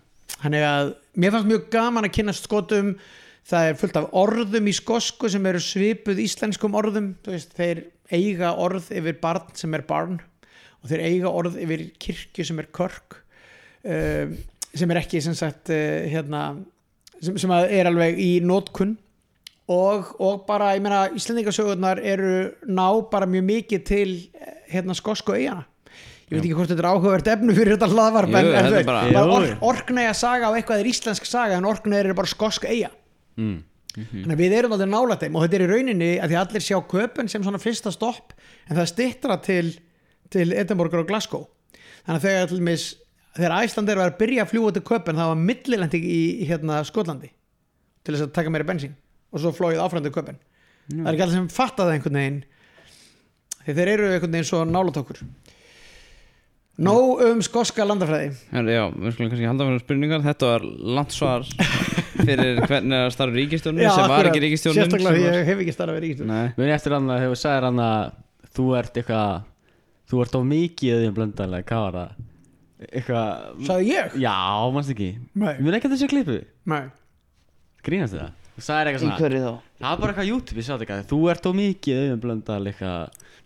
þú varst hann letið ringja og þykist vera krakki eða eitthvað Já, mannst ekki eftir þessu? Nei. Úf, svo ég klippu hana þegar tók ég hitaklefan mm. Varstu þetta því? Já. Það var fyndið. Mér finnst þessi hitaklefi sjúklega fyndin En gegg- Ég já- já. tók mækjum frá að því ég er að smjarta Já, er ekkert stress sko. Þetta var svo fyndið sko, ég var myndið að hlusta á, ég er að hlusta á alla FNU blöð þetta frá byrjun. Já, Þetta var svo fyndið tilhörun, þetta var bara, þetta var tvendum fyrir þetta viðtalið eitthvað. Já, ok. Þá fekk ég þetta, ég bara, vá, þetta er fyndið. Það er Þannig þetta önnum fyndin tilvíður að ég man hver ég var þegar ég tóku hitaklefan og þess að auðvitað var búin að ringi mig og segja þú, að ég verið í hitaklefanum. Já, svo var ég búin að stengleima því. Ég var í mjóttinni já. Þú veist, þannig að ég er bara eitthvað á ganginum í það mjóttinni þetta öskraði Já, að láta öskra á mig og ég er eitthvað bara, þú veist, að springa úr hlátri einn í mjóttinni, mjög spes sena. Já. Herru, næsta spurning. Vissur að það er feik Gísli Martin TikTok? Og við erum búin að Já, svara fyrir við- já, það sem er Sko, alltaf ekki að joina TikTok eða? Hvað, kannski þurfum við að gera það. þú verður að gera það. Mm. Ná þessu krökkum og, Já, og þú átt að gera Takk upp síman Gera eitthvað sem að þú veist að mun fá aðtegli og horfðu góður sko. Ok, Eða, Það er eina sem eða klippur á þættinum Það er annað Eða það sko. Já. Það er eina sem að gera. Herru, Ekkert meira. Nei, ég læt Berglindi Festival setja minni í þetta. Já, Þú lætur hann að gera herru, upp á slag með Inga Bauer. Veistu hver Inga Bauer er? Býtu, var hann ekki að, var hann ekki að gefa út, hérna, rangum maður? Jú, annar remix af því eða, og svona ný texti Ég, er ekkert smá, hérna, heppin að muna það. Þá veit ég allavega það lag, þannig ég segi það. Ok, Já. En ég, ég veit hver Ingi Bauer er en ég Já. held ég gæti ekki nefnt neitt annar lag með honum svona 1, 2, 3 en ég Mm. myndi kannski þekka það Nei, ég veit þannig ég segi rangumæður Já, Er það Ingi Bauer sjálfur sem spurði eða? Nei, þetta er vinnur hans ok Manstu þetta er Ice Cold eða? Nei? Það vloggerar Íslands Já, ok Eh, Var hægt að bara um daginn eða svona fyrir nokkur mánuðum Já, Það var svona OG sko, youtubers Ísland sko. ok Þeir voru með upp, upp í 10.000 subscribers eitthvað slúðis Já, vel gert Og Bara voru alveg. það þeir félagarnir? Já, við tekið það við Já, tókum við þetta út af þá Það var ekki ekki Herru, hvernig er það þekktu sem King of Roof? ég held ég sé ekki þekktur sem King of Roof. Ég myndi halda að ef það væri einhver King of Roof þá væri það örgulega að vera bogi. Já, Já, Já. það er er Cringe Roof. En ég þakka samt fyrir uh, fyrir hérna spurninguna. Ætlaðu, ætlaðu þú þér alltaf að vera þáttastjónandi? Sko, hérna það er, það er mjög aðdeglisvert að ég ætla að vera leikari. Mm. En síðan einhvern veginn kemur þessi fjölmjöla draumur aðeins inn og ég, ein, ég ætla ekki að vera að ljúga því að mér fannst alltaf veist þessi gæjar eins og Lettemann David Lettemann Já, já, hann náttúrulega hættur fyrir einhverju síðan sko en hann var alltaf minn maður. Uh, og síðan þú veit Jay Leno, Conan, ungur. Þessir gæjar sem voru með þessi þessa spjallþætti svona seint og voru ógeðslega clever en eru samt sem áður líka að taka málefnum dagsins í monolognum sínum og svona í uppistandinu í byrjun mér fannst þeir stórkostleir og ég hugsaði bara vá hvað mér myndi langa til að gera eitthvað svona. Vikan er ekkit að reyna að vera þetta. Þessir þættir eru mjög mikið late night. Og það er ekki allir sem fatta nefnilega að sko, þú veist, eins og hérna, þáttur sem Letterman var með áður en hann gerði þáttin sem hann var síðan með. Og sem sagt, eh, þetta er late night þættir eins og Tonight Show byrja klokkan 11.30 á kvöldin. Já, Sæl. Svo kemur þáttur á eftir honum sem er þátturinn sem bæði Conan og Letterman voru með þegar þið byrjuðu. Hann er klukkan 12.30 Er eftir miðnætti. Late Late eh, show já, já, akkurat og hann, James Corbin er með svoleiðist þátt núna. Já, Já, Korten Corden, James Corden, Corden, já, já. Corbyn er fyrir hundi leitói verkamnarflokksins ég er pólitíkin að röglegast inn í þetta. Uh, hann sem sagt er með þátt sem að held ég byrjar 12.30 eftir miðnætti mm. og þú veist, þannig að þetta er engan veginn primetime. Og áhorfið er, þú veist, pingu pingu lítið, þú veist, það er bara miklu minna heldur en á, þú veist ég veit ekki hvað þátt ég að taka í sjónvarpi sem er með lítið áhorf á Íslandi, skilur Mhm. þú veist, það er bara miklu minna. Af því að áhorf í bandaríkjunum dreifist svo svakalóð með svo margar stöðvar og svona, ég meina að loka þátturinn af Friends var örgulega bara með álíka áhorf og venjulegu þáttur af vikunni er með Mhm. þið veitir, að því að það er bara við erum með bara færri stöðvar hérna og svo erum við líka ennþá svona meiri heild Íslendingar. Við erum alltaf svona söpnumst saman til að horfa á eitthvað í sammenningu Ertu að tala um Þannig samborðið Þarna höfutölu eða hvað sem maður segir? Uh, nei, ég, ég ég er um ég, ég, er ekki að tala um ég er ekki að tala um fjölda í miljónum Nei, ok, ég nei, er að tala um sem sagt, ég, er- ég er að tala um bara hlutfall af þjóðinni. Já, já, já, ég ætla að segja sko ég- já, nei, nei, ég meina að þú veist, það er náttúrulega á einhvern ömurlegan þátt sem að fær ekkert áhorfa í bandaríkjunum með samt miljón manns að horfa veist, það er engi horfa, það er aldrei sem að horfa miljón manns á Íslandi. Mm. Þetta sá svolítið, na, eins og sagður, við dröfum okkur saman Þetta sá svolítið með hann að Helga Björns Þetta er það dót Ég man líka bara þegar þetta byrjaði að vera allir bara Ertu ekki að fara að horfa? Allir svona í kósi eitthvað og Já. svo fara eitthvað já. Það satt. Það var, og COVID náttúrulega hafði mjög innan gæðslega góð áhrif á sjónvarsáhorf já. Það voru allir að horfa. Mm. en hérna, já, þannig að sko uh, þannig að þessir, þessi gæjar sem ég var mikið að horfa á þeir, þeir geta verið aðeins meira uh, edgy, um, og sletta þannig. Þeir geta verið svona aðeins uh, beittari eða, eða hérna, meira afgerandi og bara þeir eru mjög pólitískir, þú veist, þeir eru bara alveg beinlínis á móti Trump, þú veist, ég meni ég væri ekki með þátt á primetime á föstudögum á rúf og væri bara harður gegn ríkistjórninni Já. þið veitir, það bara gengur ekki. Eh, við getum gert grín og svona og, og hérna potaði alls konar áttir en, en svona stórir mainstream þættir geta ekki leift sér svoleiðis. En, en minni þættir eins og þessi late night þættir, Já. þeir geta verið grófari. Mhm.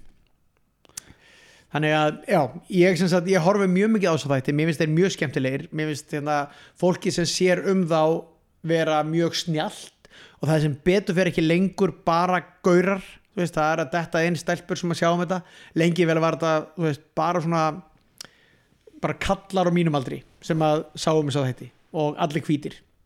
Þetta er aðeins að verða betra en núna. Mhm.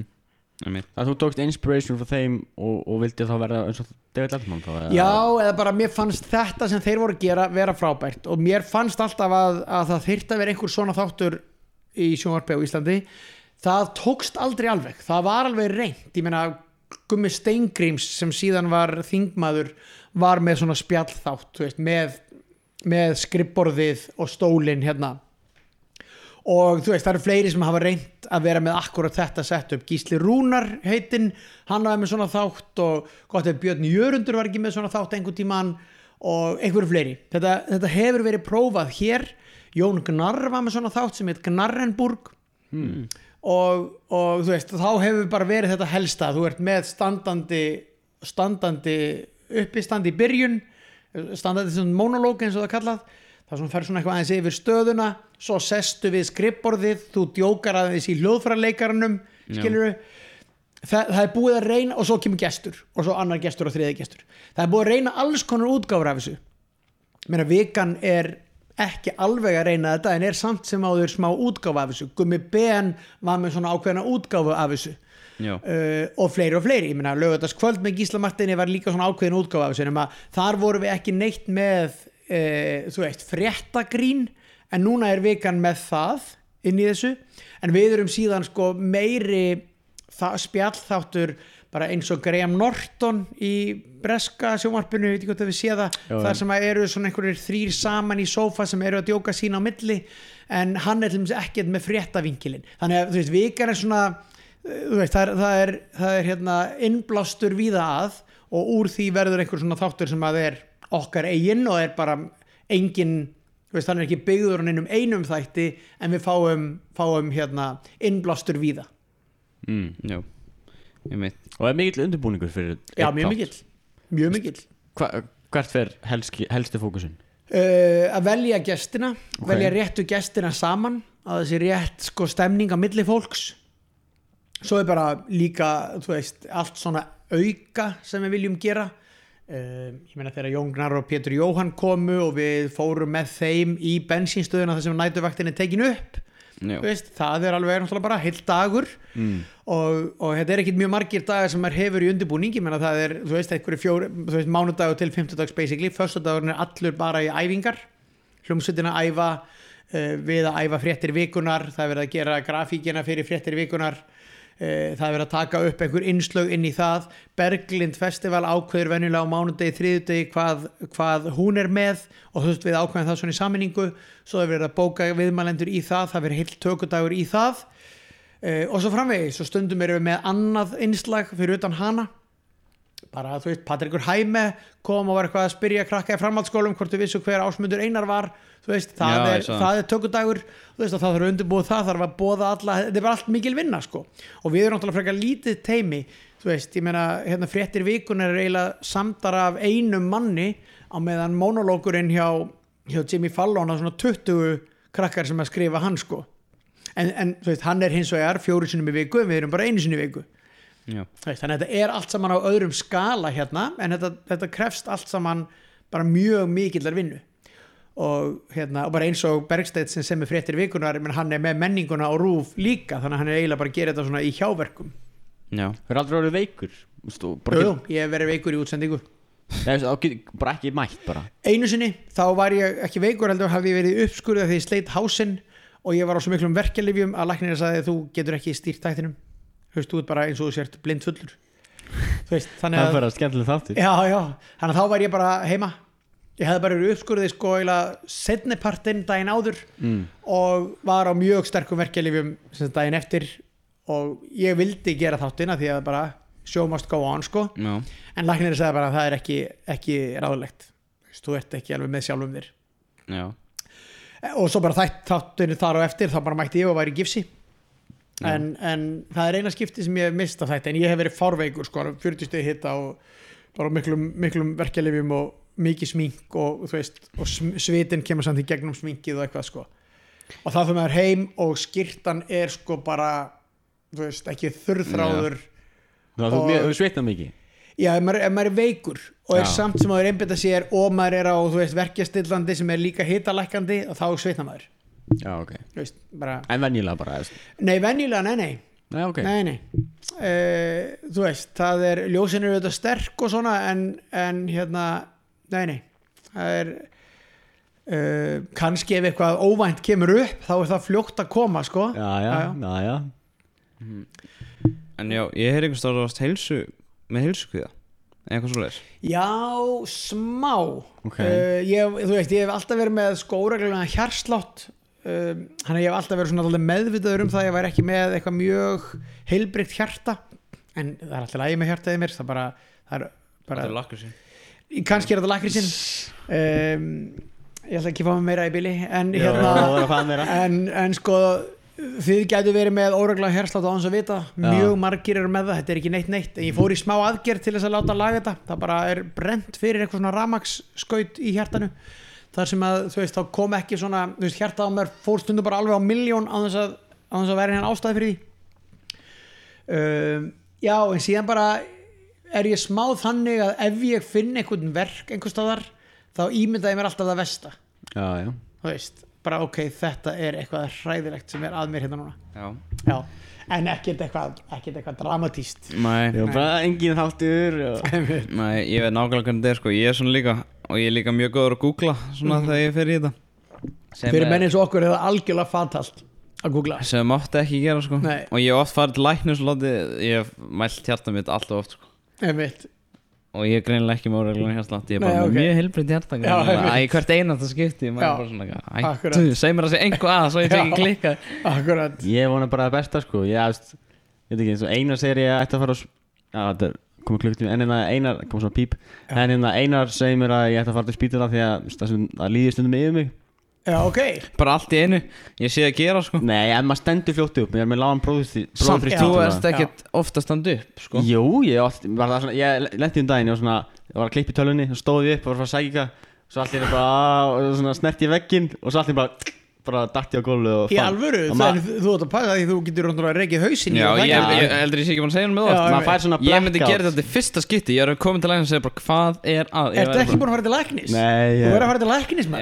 Ég- bara Þú með en Nei, ég veit það ekki. Já, bara lág akkurat. Maður allir Ég, sko ég fær við aðsvif ef ég stendu Já, sortnar svona örlítið fyrir Einmitt, augum. einmitt, Sko einmitt. það er ekki eðlilegt að Það líði byrjaði þannig sko Og Já. svo var þetta meira, þú veist. Nei, þú verður að láta tekka á. Já, ég tjekka á þessu. Þetta líka gerir svo snögt hjá þér. En Þetta sko- gerist í bíó. Og svo, Þegar þú stóðst bara upp mástu mjög stutt og bara og svo byrjaði svona að káfa einar Já, eins og ég Óli, var svona- Óli svona greip mig ítti svo nýjan Ég held að það var að djóka með. Já. Það var bara bara er Þetta er góður Nei, þú verður að, þetta gengur ekki sko. Að þeir blackout og svo svona finnur maður alltaf svona sársöka um líkamann að þú veist, þú ert náttúrulega búin að detta skilur Já, já, ég meina þetta Kemur getur, svona hægt, þetta getur skilurðu. gerst á mörgum Við erum að læknis á vond- eftir.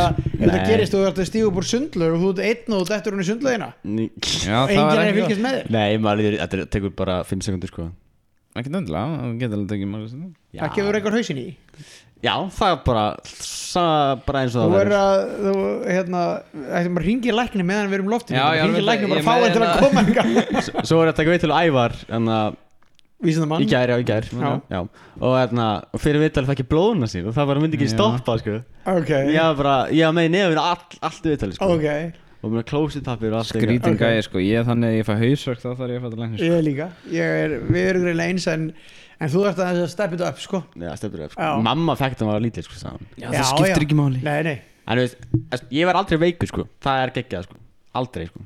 Ok, ég verð mjög oft veikur. Já, ég líka. Já. Mjög. Hata þetta, þetta er fokkin boring sko. Já, já, en Hvað, þetta er spurningin alveg er, gaman að verður vera veikur? eða, bara, er, eða ertu bara að hristað af þér? Ertu gæðin sem mætir veikur í vinnunum og segir, að það er ekkert að mér, en ertu í rauninni að smita alla á vinnustöðunum? Ertu sá gæi? Nei, ég verð aldrei veikur sko. Ég var bara veikur núna tvisar í ár út af Pfizer sko. Ok, það er henni að kenna sko. Ég vaknaði eins og hverja lami sko. Og það Einmitt. að því, þau sögðu, ég að vera róleg ekki gera neitt Já. Og takið partassan frá að sofa. Svo fór ég bara út í fótbolta og sund og eitthvað Og, og vaknaði þú með hausverk og svona sex komur, ekkert svakalegt sko. Emmett En næsta spurning, hvað segir Er já, uppáhalds morfís moment Já. Ætli það sé ekki þegar við í Vestló unnum byggarinn í þriðja skipti. Á, Við unnum, byggarinn sko þrísver í röð og í þriðja skipti var ég ekki í liðinu, heldur var að þjálfa. En mér fannst það stórkostlegt og líka þá upplýði ég það sem áhorfandi. Já, af því þegar maður er inn í þessu þá það er líka bara aðsnalega að velja eitthvað veist, með, með sjálfum sér sko eitthvað hérna, þú veist, þegar ég var á sviðinu. rústaði hann Já, 88. en þarna var ég sem sagt- þarna voru, var, hafði ég verið í liðinu tvær keppnir í röð þar sem að við unnum og svo unnum við þriðja árið í röð þá var ég orðin þjálfari. Já. og ég var eitthvað svo stoltur af liðinu. Já, einmitt. hérna, þau voru þau voru sko fjögur og þrjú þeirra voru hér, á breiðoltinu, verið með mér í Hólabergsskóla. Og svo einn uh, strákur til viðbútar sem er uh, sem við kynntumst í Vestló úr miðfriðinum og hérna og það var stórkostlegt moment. Ég var líka einhvern veginn komin í háskólan ég var án aðeins fullorðnari og ég maður bara, mér fannst þetta að vera hérna frábært kvöld. Frábært augnumlik Mhm. þannig að ég myndi velja það sem uppáhalds morfís momentum mitt. Já, þú fekk eiga byggarn af þetta eftir þriða sinn. Rétt, Já, fengum alltaf leiknar. Var þetta svona, byrju, var þetta svona byggari sem er alltaf tekin aftur og svona mertur alltaf svona já, þetta árið já sko þegar að við sko þegar ég byrjaði í Vestló þá var Vestló aldrei gengið vel í morfís og, og fyrsta ári mitt í, í morfís bara duttu við til að snemma út. Uh, og þetta voru alltaf MR og MH og eitthvað svona sem að höfðu verið að vinna og einhverjir svona flottir gaurar eins og þú veist, Benny Erlings leikari og leikstöri, hann var í MH og, og Vestló bara var ekki með í þessu. Eða, sem sagt, var með í kemninu en var ekki með í því að vera í topparátunni og og hérna Stefán Eiríksson, núna verður þetta útvastjóri hann var hérna, mjög góður var ræðmaður Íslands og eitthvað svona uh, og mann fannst eiginlega útilokað að einhver myndi vinna þrjú ári röð, það var bara svo erfitt. Það var meiri líkur fannst manni á því að MR myndi vinna fimm sinnum samtals og þá fá byggarinn til eignar. Þeir voru kannski búin að vinna þá þrísverð eitthvað álíka. Þannig að Vestló kemur þarna og við bara vinnum þrísverði röð. Bara komum bara einhvern veginn þú veist, eins og skrattin og söðalegnum og, og hérna og keirum yfir þetta þrjúverði röð og það var bara ógæslega gaman. Veist, okkur fannst við vera þú veist, einhvern veginn að sína gömlu skólunum í tvo heimana. Já, ekki, ekki. Já. Hver dæmir þetta eiginlega? það er alltaf bara einhverjir dómarar sem eru fyrirverandi morfís kempur venilega Já, og er það ekkert Tækir ekki á mútum með það? ég vona ekki allavega að reyndu við aldrei mútið þeim. Nei, nei, þetta voru alltaf alveg hérna, topp fólk sem var að dæma. Ok, en auðvitað vorum við alltaf með eitthvað þessi þólir ekki vestló, við skulum ekki fá hann og eitthvað svona. Það eru samningar milli, milli skólana um það hverjir eru dómarar. Já, þú er aldrei dæmt reyndar jú, eftir að ég, eftir að ég hætti þá dæmdi ég Og gaman það? Já, það er mjög gaman. Mm.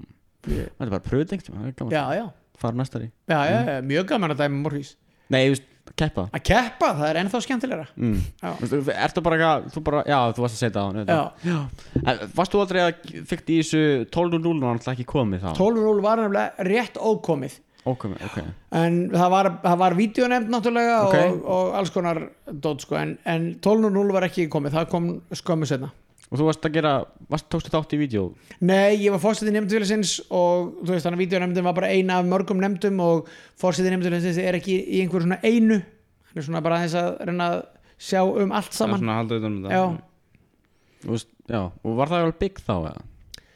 Að vera fórsetið Nei, nefnd, anna Vídeonemndin, já. já, hún var það en þau voru, þú veist, þau, þau voru með kostningasjónvarp þegar voru kostningar þú veist, og voru með bara já, já, alls konar metnaðafullar metnaðafullar dasgrá, byggu til alls konar efni sem var sínt uh, og sem að þá hétt bara Video Vestló. Og svo sem sagt held ég að meina, því ég verið að spyrja einhvern sem er, er í 12.00 svo bara byrjaði það þannig að það var búin til svona fréttatími sem var klukkan 12.00 og svo þróaðist það svolítið þannig að þau fóru að búa til svona sín eigin lög og eitthvað. Já, Það var ekki lög á þín tíma? Nei, nei. En, en, en sketsjar? Nei, Já, ok. Nei.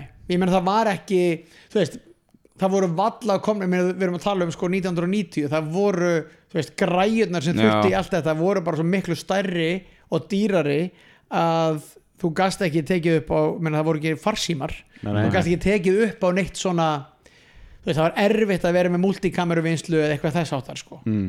stórmál. Já, Þannig að uh, ég hugsaði bara að tæknin hafi ekki alveg verið komin. Ég meina, í staðan fyrir að vera sketsar og vídeo það voru bara live sketsar á skemmtikvöldum. Ah, bara ok. på sviði eins og Mm, leikrit. cool. Og það stóð ekki þátt í þeim já, já. Það var, var gaman, voru svo kvöld skemmtikvöld haldinn, eitthvað, tvö, þrjú, fjögur yfir veiturinn og, og þá bara búa einhverjir til skemmtiadriði og það getur verið allt frá því að vera með töfrabröð yfir í, þú veist, og töfrabröðin voru mjög gjarnan svona, þú veist, djók töfrabröð sem voru reynir bara hana grínsketsar. Já. nema það er ekki, sagt, það er ekki á kameru. Það er bara, það er bara live. Mm. já, þannig að og það er ég held ég að það verið í öllum framhaldsskólum þá. Og svo færist þetta úr því að vera live og analóg yfir í að vera digital þegar að, þegar að færi tæknina í það sko. Og varstu í skólanum Varstu alltaf að skipta kæristur Eða varstu bara einhlýpur alltaf tíma ég var ekki alltaf að skipta kæristu nei. Um, uh, nei nei ég var ég átti eina kæristu í Vestló en svo er sem sagt uh, svo kynntist ég eins og konu minni í Vestló. Já, ok. Og við byrjum saman eftir Vestló. Já, ok, Já. ok, ok. Þannig þú, já, ok, já, bara já. Og hvernig var þetta á, á þessum tíma Svona sambönd þarna, fólks á þessum tíma. Var það, eh, heldur sé eitthvað mikil munur og núna Eða, veist, þannig ekki net og svona? Þannig, Já, nei, ég held nefnilega að sé furðu lítill munur og það er það? alveg eiginlega magnað að hugsa um, þú veist, djammiði núna. Ég meina þegar að þið eru á djamminu eða dætur mínar eða eitthvað ungt fólk þá er veginn allir sendandi skilabóð, þú veist, hvar ertu eða eitthvað þannig. Við vorum ekki með neitt þannig og samt hittust við alltaf. þú veist, það var bara einhvern veginn maður, maður þú veist, í rauninu held ég að djammið hafi breyst ótrúlega lítið þó svo símanir séu komnir. Ok, þú ok. gerðir þetta bara með því að hitta fólk áður.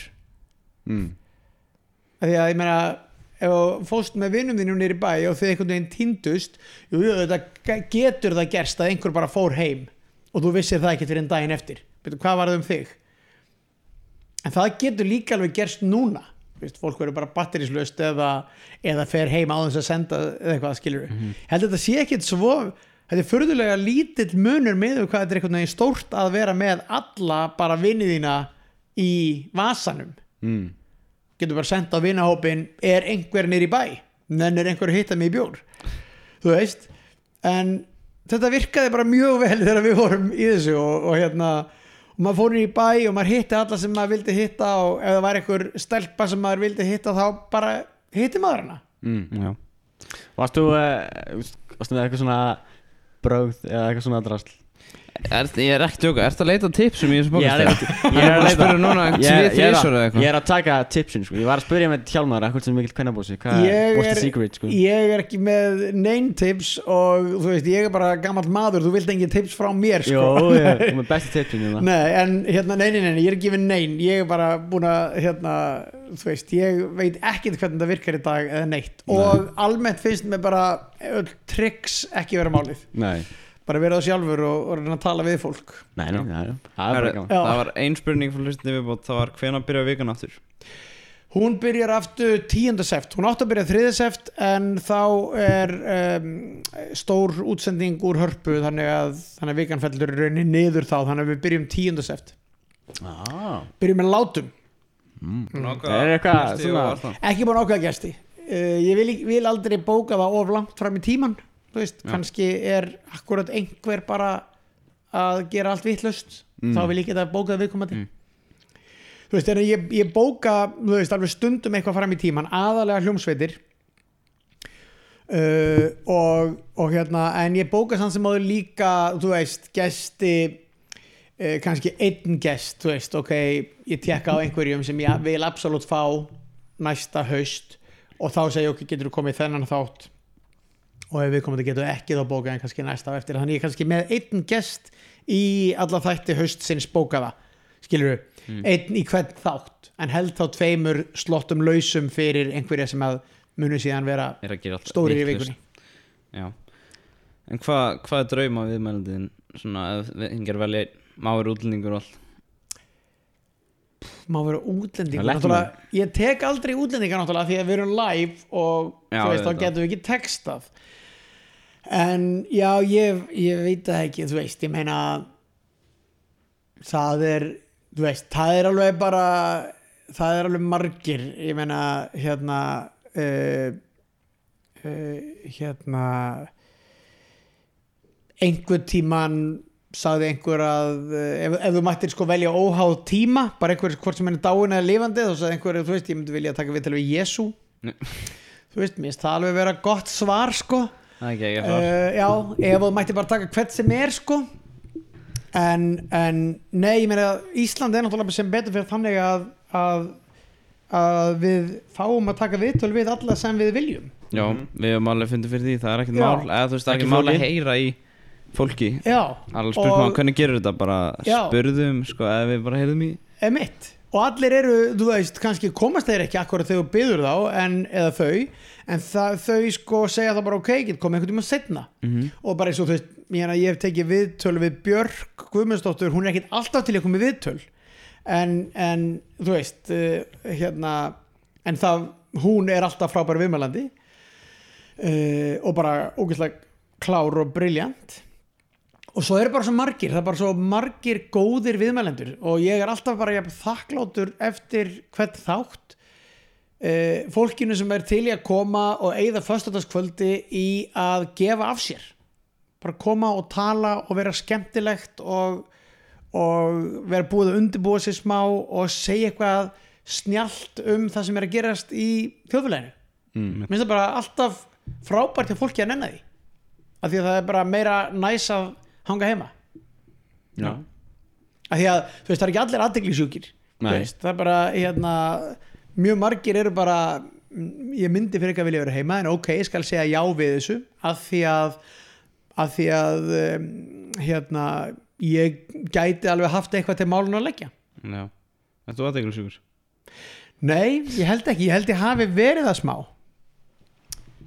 Þú veist, þegar maður er ungur og bara eitthvað í vestló og svona langar rosa mikið að fá gott gig í sjónvarpi eða eitthvað. Já, Eh, ég veit ekki hvað það á að kalla það aðteglisíki eða, eða bara elda drauminn sinn eða eitthvað, er þetta orðuð á marga mismunandi vegu, en ég held að ég hafi þá alveg verið svolítið sólgin í það að, að fá að gera eitthvað að fá aðtegli út af það.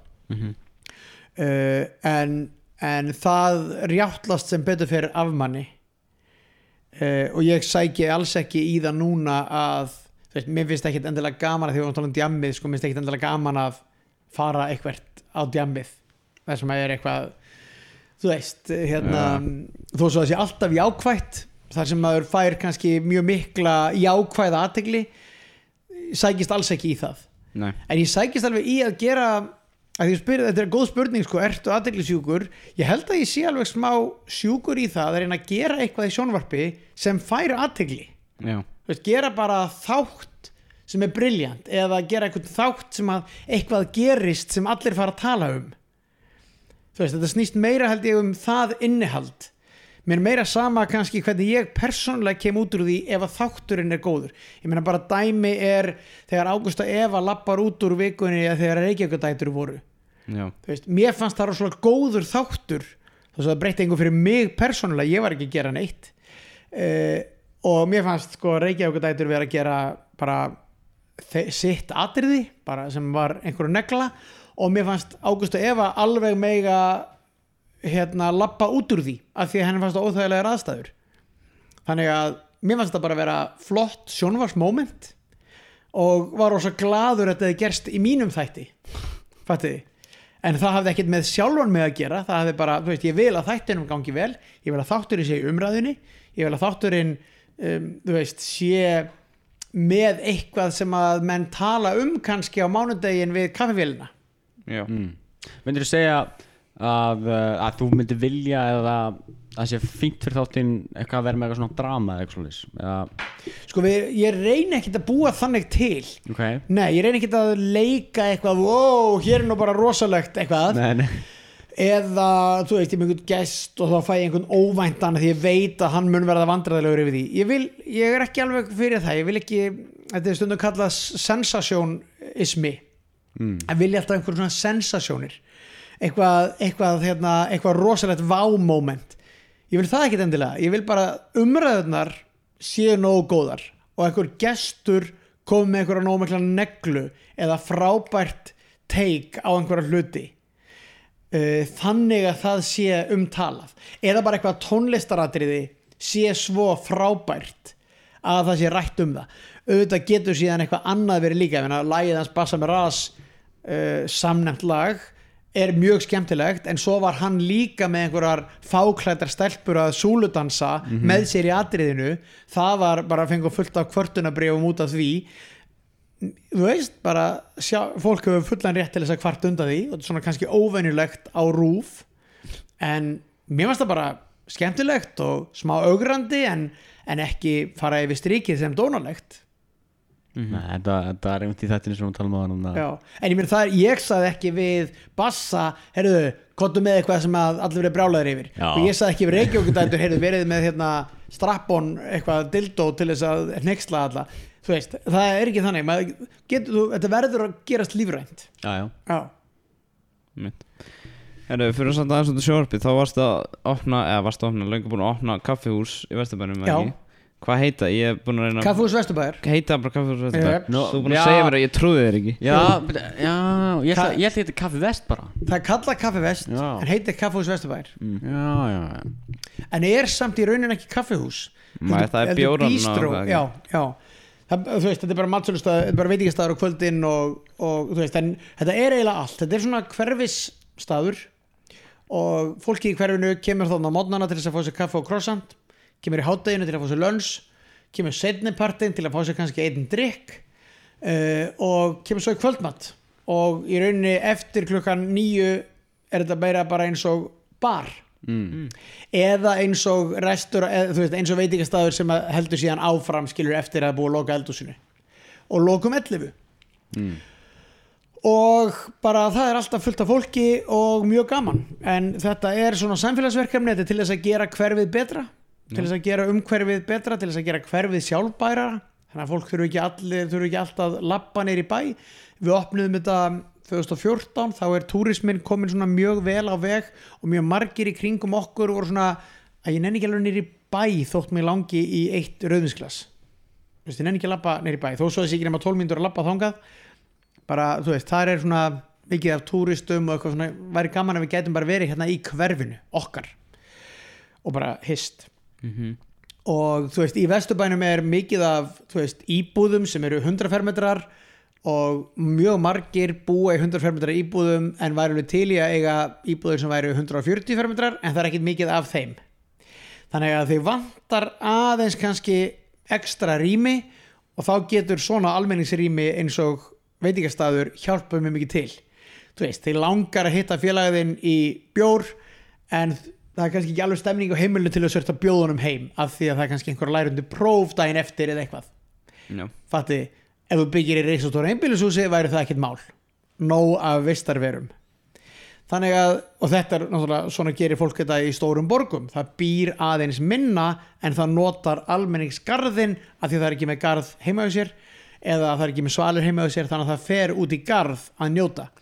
Og það fer út á veitingastað frekar en að bjóða fólki í mat heim þá hittist þið út á veitingastaðinum og ég held að Reykjavík sé smá að þróast svona og vesturbærin er daldið svona hverfi. Þú veist, það er mjög mikið samfélag svolítið bara, veist, eins og lítið þorp eða eitthvað þess aftar og þetta vantaði og ég var búin að segja í tíu ár við alls konar vinni mína sem voru svona meiri frumkvöðlar heldur en ég bara, heyrðu, opniði kaffihús eða opniði, opniði bístró og enginn hafði gert það þannig að við bara fórum í það. Já. Má, má, má vera með tölvu þar já, það má vera með tölvu. Við erum frá að klippa á rættir við skiptum sko staðnum aðeins í tvent Já, þannig að öðrum hlutanum máttu vera með tölvu hinnum hlutanum er svona fráteki fyrir matargesti. Mm. Já, að því að við, við, við opnuðum staðin líka því við vorum sjálfur, vinnum dálítið mikið svona sjálfstætt með tölfur og við vildum alveg geta verið með tölvunar okkar að vinna. En þú veist, eh, við viljum náttúrulega veist, kunnar sem koma og kaupa sér eitt kaffibólla og eru með hann í fimm tíma að vinna í tölvu eru ekki frábærir kunnar en við vildum alveg líka vera staður fyrir fólk í hverfunni sem er að vinna sjálfstætt með tölvuna og hérna, þú veist, kaupi sér eitthvað líka en, en hérna er svona þú veist, eins og í COVID tekur sér pásu frá því að vera að vinna heima koma þarna og aðeins sjá framann í annað fólk fórum við eitt á svona kaffihús og ætlum að fara að klippa þátt og, og svo var að koma með kakóið. Og það sagði, þannig að gengilbeinan er, er það dónlegt að segja það? Nei, ég held ekki. Nei, ok, hvað, hvað sagður? ég sagði gengilbeinan. Gengilbeina, svona gamalt orð yfir að því þetta er heitir að ganga beina. Eða ekki, ég held að þetta sé það. Ég veit það ekki, sko, ég bara Einmitt. heyrði þetta Þú var bara að segja eitthvað bara- orð. eða bara Gengilbeina. þjónustu Já, þjónustustúlkan þjónustustúlkan Og með kakóið og sagði, það, já, það svo má ekki er með tölvur hérna Og ég bara Ólega Í bara móðgæður sko. Ég bara, Já. veitir hvað meinar þig? Þannig við hefum nýtt kaffihús til að klippa á kannski. Já, það má vera með tölvur hjá okkur. Það, er, það eru tveir salir því sjáu það stendur bannaður með tölvur hérna megin en má vera með tölvur hérna við erum alltaf að klippa í perlun líka, sko. Já, já, Já, Það er mjög næst þar, sko.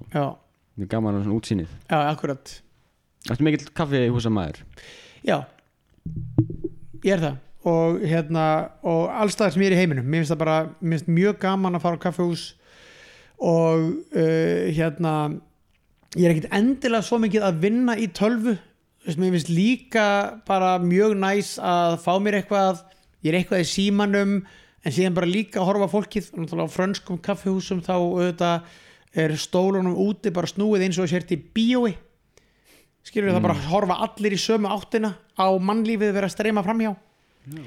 Og mér finnst það alveg gaman að vera svona aðeins að bara horfa fólk og stúdera það og, og já, þannig að fylgjast með mannlífinu. Já, kannski sérstaklega í útlöndum að því þá hverfum maður alveg bara veist, það er enginn að pæla í manni. Mm. uh, já, mér, ég, ég sko, mér finnst svona staðir vera mikilvægir í borgum svona, þú veist kallað þriðji staðurinn, þú ert með heimilið þú ert með vinnuna, einhver þriðji staður. Og, og það getur verið sundlaugin, það getur verið kaffihúsið eða veitingastæðurinn eitthvað svona, það sem að þú ert og þetta er almenningsrými en þú ert samt sem áður á vegum einhvers annars, þú ert inn á svæði einhvers og þú ert að hlýta reglunum þeirra. Og það er sko, það er aðeins munur eins og í bandaríkjunum þá er svona sagt að kúnin hefur alltaf rétt fyrir sér já, á frönskum bístrófum, það er ekki tannig kúnin hefur ekkert alltaf rétt fyrir sér. Þú mætir okkar fransk bístró og það er bara vertin hann er kongur hann er bara, þú veist, og þú þarft að hlýða hans reglum skilur þú finna það með fljótlega þegar þú kemur inn. Og það er kannski bara, og eins og í Skotlandi þar voru vinsælustu pubbarnir voru svona þar sem að vertin, þið veitir veitingamæðurinn var bara dónalegur. Bara, þú veist, þú komst eitthvað "Eh, ég ætla að fá hérna, hvaða bjóri ertu með? Og hann bara, hvað, ertu heimskur eða, sér ekki bjórna hérna? Eitthvað svona þú hverju? Já, Eitthvað- bara, við- bara með attitút Er okkur það ekki að hann þarf ekki að vera með það en hann bara, honum er bara drull. Og vill fólk það bara? já, já, Hvað ég gerir? meina ef þú fílar þetta ekki, bara fara eitthvað annað Já, ég Já. myndi gera það sko. já, já, akkurat það en þú, þú ert ekki kongur hérna. Þó svo þú sitt að fara eitthvað að borga fyrir eitthvað bjór þú ert engin kongurinn á staðinu Nei, nei. Já, það vertin er kongurinn Mér finnst það heimskulega regla, eh, regla heimskulega svona þegar sagt að kunninu alltaf reyð fyrir sér. Það er bara alls ekki svo leis nei, mitt sérstaklega í svona eins og við vinnum bónus. Já, maður er bara, emitt maður fæði bara stundum illi haus, hausinn þegar Já. það spyrja manna eitthvað sko, maður bara Ég er bara vilja já, já. Já, þú veist kannski, þú veist. En einhver, þú veist, ef þú ert inn á veitingastað einhver er að borga leiguna Já, já, og rafmagnið og allt sko. Þannig að þú ert inn á staðinum á einhverjum forsendum. Já þess að Mér finnst eiginlega kúnandi sé að borga Þeir eru náttúrulega að borga tæknilega sé Þú veist Þú veist, þeir eru að borga leiguna Kúnandir Eh, en á flestum stöðum í Reykjavík þá duga það sem að kunnin borgar ekki til þess að halda staðinu gangandi. Þess vegna er annarkver staður í Reykjavík á hausnum eða meir en annarkver Já, staður. ok, En með túristum líka? Já, já, ég meni þú veist, ég sjá bara sjá bara hvað rosalega margir staðir hafa horfið á undanfjöldum árum. Já, já. Já, bara að því að, að því þetta er bara mjög erfiðu business. Ég meina, Kaffi Vest er ekki að græða neitt. Mm. við erum bara að reyka þetta til þess að reyna að halda þessu á núlinu já, af því að þetta gerir hverfið betra og lífið okkar betra. Ertu Nei, búin að, ertu búin að kaupa nýtt hjól eða? nei, Þetta ekki búin að kaupa nýtt hjól? nei, ég ætlaði að kaupa það í Hollandi. Já, að því að, að, því að hérna, hjól eins og mig langaði ég var ekki til hér heima. En ég ætlaði að kaupa á flýti inn en svo náttúrulega bara vorum við í sótkvæðan tíma í Hollandi. Já, en ég gæti ekki kæft en ég hugsi ég fari í þessar þú veist það eru nokkrar hjólabúður hér komnar sem eru með svona hjól eins og ég vil ég, þú veist, ég vil ekki svona fjallahjól ég vil svona bara Já, alveg svona- gammalda skötuhjól já, og það lengi vel var þetta ekki til en núna eru komnar búður sem eru með þetta þannig að ég ætla að bara kíkja á úrvalið þú fær rafmagnið það? nei, Ekki? nei, mér finnst gaman að bara ganga fyrir eigin orku Mm. Hvernig leist þér á mi- miðbæinn og Selfossi? Eða varstu eitthvað inn í því að? ég er ekki hrifin Ekki hrifin? Nei. Nú? mm. Hvað? ég akkur- veit að þeir eru frá Selfossi og ég vil ekki vera með ég vil Það er vera ekki með- móðgun. Ég er bara Ég ekki both sides sko Já, ég vil ekki vera með móð Sko, mér finnst, mér finnst ekki og mér að Reykjavík hefur gert þetta líka uh, og ég var ekki heldur hrifin þá Mér finnst ekki sniðut að byggja gamalt Mér finnst það smá svona Disney já, svona gammaldags Dæmi, já. svona, Mm. Mér finnst að það, eigi- þú veist, við eigum bara frábæra arkitekta og mér finnst að byggja bara í anda þess tíma sem þú ert. Ok, ok. Uh, mér finnst það bara svona sem er regla. Ég er ánægð með að sé verið að byggja upp miðbæ þú veist, þannig að það finnst mér frábært. En, en hitt, ég er svona ég minna hrifin af því. Ok. Og, og þetta er alveg þetta er alveg svona hugmyndafræði á bakvið þetta og ég veit alveg að, að það er fullt af flottu fólki sem að er að vinna í þessu og þau eru bara ósamála mér og hafa mjög góð rauk fyrir sínu. En þú veist það voru byggðir svona bæir í bandarækjónum þetta er angi af hugmyndafræði sem var kölluð New Urbanism ef einhver sem er að hlusta hefði áhugað að googla þetta eins og þá var fólk skilur að dulbúa sjónvarsloftnetin sem skorstein Ah. af því að það var verið að láta þetta líta út sem gamalt. Ég er allir gaman sko. Já, sumir fíla það. Ég fíla sumir fíla þetta og, og mála þetta í svona gamaldags pastellitum og eitthvað svona. Já. ég er bara ekki aðdáðandi mér finnst að hver tími eigi að sína sitt, þetta er bara eins og þú veist, sumir vilja ennþá vera að semja, ég veit ekki, klassíska tónlist eða ennþá vera semja þryggja mínúna bítlalög en ég vil bara miklu frekar fá tónlist eins og núna er í gangi sem er bara gerð af tölvum og bara svo kann ég að vest sagði að þú veist, ramaskítarinn er dauður. Þú veist, það bara kemur nýr tími og, með, og hver tími á sitt eigið sound og á si- sína, sína eigin fagurfræði og sína eigin arkitektúr og mér finnst að, að listin eigi daldið að endur spekla hvern tíma fyrir sig. Ég var ekkit alltaf á þessari skoðun en ég er mjög eindreið á þessari skoðun núna. Já. uh, og, og ég meina ég vona að miðbær Selfoss verði frábær. Ég er frekar hrifin af Selfossi. Pappi á bústaði rétt hjá þannig að ég, ég kem mikið inn á Selfoss og, og fyrir sundar og svona og var mjög spenntur fyrir því að ætti að ég runni þétta byggðina með þessum miðbæ en svo fannst mér, ú, ég var ekki alveg hrifin á útvarslunni en að lokum er kannski öllum drullu sama eftir 50 ár. Hvort að þetta hús var byggt 2020 eða 1920 kannski verður öllum drullu sama. Já, Ég er eiginlega bara spennt fyrir mathöllinu sko. Já, Já, nei, síðan er inntakið skipti líka auðvitað aðal máli og ég meina, tökum bara dæmi eins og Hafnatorgið sem að mörgum í Reykjavík finnst glatað og hérna arkitektúrin glataður, margir reyðir og svona það er alveg hægt að taka það og þetta rífast endalust um akkurat útlitið aðal málið er bara að það eru komin aðna mörg hús þar sem að fullt af fólki vinnur fullt af fólki býr það er þjónust á jarðhæðinni og það hvort að þetta hefði átt að líta eitthvað aðeins öðruvísi út er ekki alveg stóra málið að mínum mati mm. uh, og með því er ég ekki að uh, ekki andstöðið sem ég sagði áður að, að skipulags mistök standa í 100 ár að því að mér finnst ekki mistök að hafa byggt á þessum reyt Mm. mér fannst það bara að vera rétt að gera það útlitið gæti verið svolítið öðruvísi, kannski er þetta einni hæð of hátt, þið veitum hvað Hafnatorgið er sem er í já. bæ. kannski er þetta einni hæð of hátt og það er alveg hægt að diskotera það allt saman uh, en þetta er aðna og þetta er svona og stóra málið finnst mér vera að þarna er bara allt í hennu bullandi lifandi starfsemi þarna er bara eitthvað þetta er ekki búlsæ, hérna pílan sem er hérna á jarðhæðinni, það er með H&M það sem er fullt af fólki. Það er, það er ekki fólk sem býr í íbúðanum uppi sem dyrkar það. Þú veist, það er bara líf á stað það sem áður var bílastæði. Já, Mm. einmitt. Ég dyrka það, Mér skulda blokkina það svo nett sko. Já já, einmitt. Alltaf ef maður sýnir þér einhvern gullið þá bara verður þau bara Einhver bæri ætti að búið til svona, mið, svona vikinga miðbæ Mér finnst það. Það hefur farið í vikingaþorpið hana hjá fjöru krónu, hafna fyrir því, Nei, nei, nei, nei Nei, útlöndum? Nei, nei, nei, á Íslandi Hérna, pff, hvað heitir það? Mástu, hvað Sko sko? getur ekki fyrir mig sko.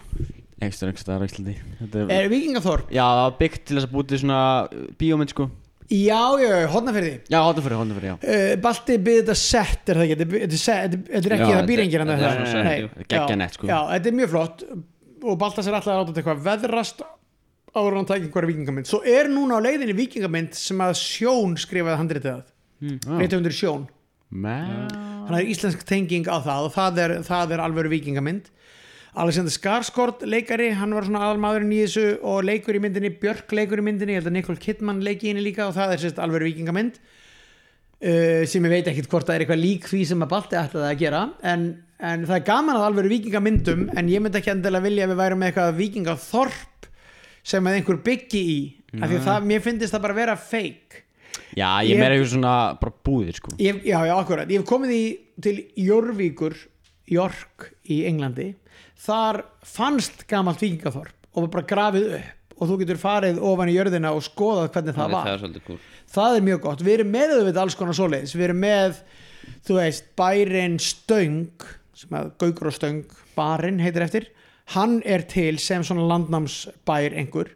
Það er hérna það er margir slíkir bæir til. Ég meina í miðbæ Reykjavíkur er hérna er, er landnámsbærin sennilega bær Ingóls Arnarssonar en hann er, var ekki byggður upp heldur er bara, maður sér bara útlínutnar og steinana sem eru bara orginal steinarnir og frekar hann að byggja einhvern svona fake bæ sem enginn vissi nákvæmlega hvernig liti út það var bara ákveðið að hafa þetta hann ofan í kjallaranum þar sem að þetta geta komið og skoðað þína raunverulegu rústir og svo sérðu bara á það raunin tölvuskjá sérðu þú veist hvernig, hvernig gæti þessi bær hafa litið út. Af því það veit það enginn nákvæmlega það er ekki til náttúrulega ljósmyndir. Þannig að sko, þú veist, ég er sammála því að, að það er gaman að geta ímynda sig hvernig þetta var. Já. En ég er ekki á því að við eigum að byggja borgina sem við búum í upp eins og eitthvað var í gamla dag þú veist, Guðjón Samuelsson var fítn arkitekt árið skilur 1920, 30, 40 skilur hvenar, hvenar hann var að teikna sín bestu hús. En við eigum ekki að byggja samkvæmt hans teikningum núna, við eigum að byggja í anda okkar tíma. Það er hérna þetta er langt svar um miðbæð Selfoss en ég endaði að segja Ég ég vona, um ég vona algjörlega að hann hefnist sjúklega vel Já. og bara geri lífið á Selfossi ennþá betra. Finnst þið það nútíma arkitektur miklu flottar heldur en gamli? Mér finnst hann vera flottari fyrir okkur, já. Það er ekki þar með sagt að ég geti bent á nýtt hús og sagt þetta er flottara heldur en alþingishúsið. Skilur við mm. en mér finnst bara að hver tími á, um, veist, það er bara svona smá þess að segja hvort finnst þið flottara yesterday með bítlunum eða, eða Hey þú veist, Jude, nýja lægi með Loga Petro Já, eða eitthvað líka uh, ég get ekkert sagt hvort er flottara mér finnst bara bæði frábær. Mm. en, en hérna eða, eða bara taka, þú veist, Mozart bara æniklæni naktmúsik eða bítlanir, hvort er betra lag. Og það er bara, þetta eru ólík lög en þau eru bæði fulltrúar sinns tíma. Og ég, ég er ekki vissum að ég þurfi að segja hvort er hérna hvort er Eiffel-turnin flottari heldur en Hafnatorg já, þegar að einn uppáhaldsarkitektur minni var spurður hver uppáhalds byggingin í heiminum þá sagði hann það er Boeing 747 flugvillin Mm. já. Þú veist, þetta er bara, þetta er bara allt einhver mannverki uh, og þau hafa bara ólíkar funksjónir en þau eru, þau eiga að mínum að það endurspegla sinn tíma. Mhm. Já, það er bara komin bara lókin held ég. Já, ég held þessu bara góðir Er það einhvern sem þú vilt koma á framfæri svona í lokin? Nei, ég er búin að tala frá mér allt vitt ég vona að það hef ekki verið mjög leiðilegt. Ég ætla bara að mér meiri lakrís. Fá, fá mér smá hjartsláttar tröflunir það ætlar að koma með lokaður þegar hlustendur eða á ég að rætta þeim bara? Nei, hvað Bara, Á ég komið lokaður? það ekki, ég til lakris og hafa það gott. Já, sko lokaður mín eru uh, mér finnst að allir sem eru að hlusta á þetta ættu að hafa áhuga á því sem er gerast í kringu það. Hafa skoðanir hafa hugssjónir og berjast fyrir þeim og reyna á hverjum degi að gera einhvern veginn samfélagi kringu sig eitthvað pingulítið betra. Betra eða skemmtilegra eða einhvern veginn þannig. Og mér finnst mjög mikilvægt að við séum ekki einhvern veginn of löt til þess að gera þetta heldur, ég meina bara svo þið eru með þetta hlaðvarp, þið þurfið ekki að gera það en þið gera það til þess að einhvern veginn gera líf ykkar og vina ykkar aðeins betra koma hugmyndum sem að einhverjir eins og ég hafa á framfæri. Og mér finnst að allir eigi aðeins að leggja sitt að mörgum til þess að gera gera samfélagið pingulítið betra. Við erum ógeðslega fá hérna á Íslandi. Við þurfum öll að leggja svona smá lóð á vogaskálanar til þess að, til þess að þetta verði veist, skemmtilegt og gott. Mhm Þetta eru mín ekki ekki frábært, Það er bara takk hérlega fyrir að koma í hlaðarpokar takk hérna Takk, sömulegis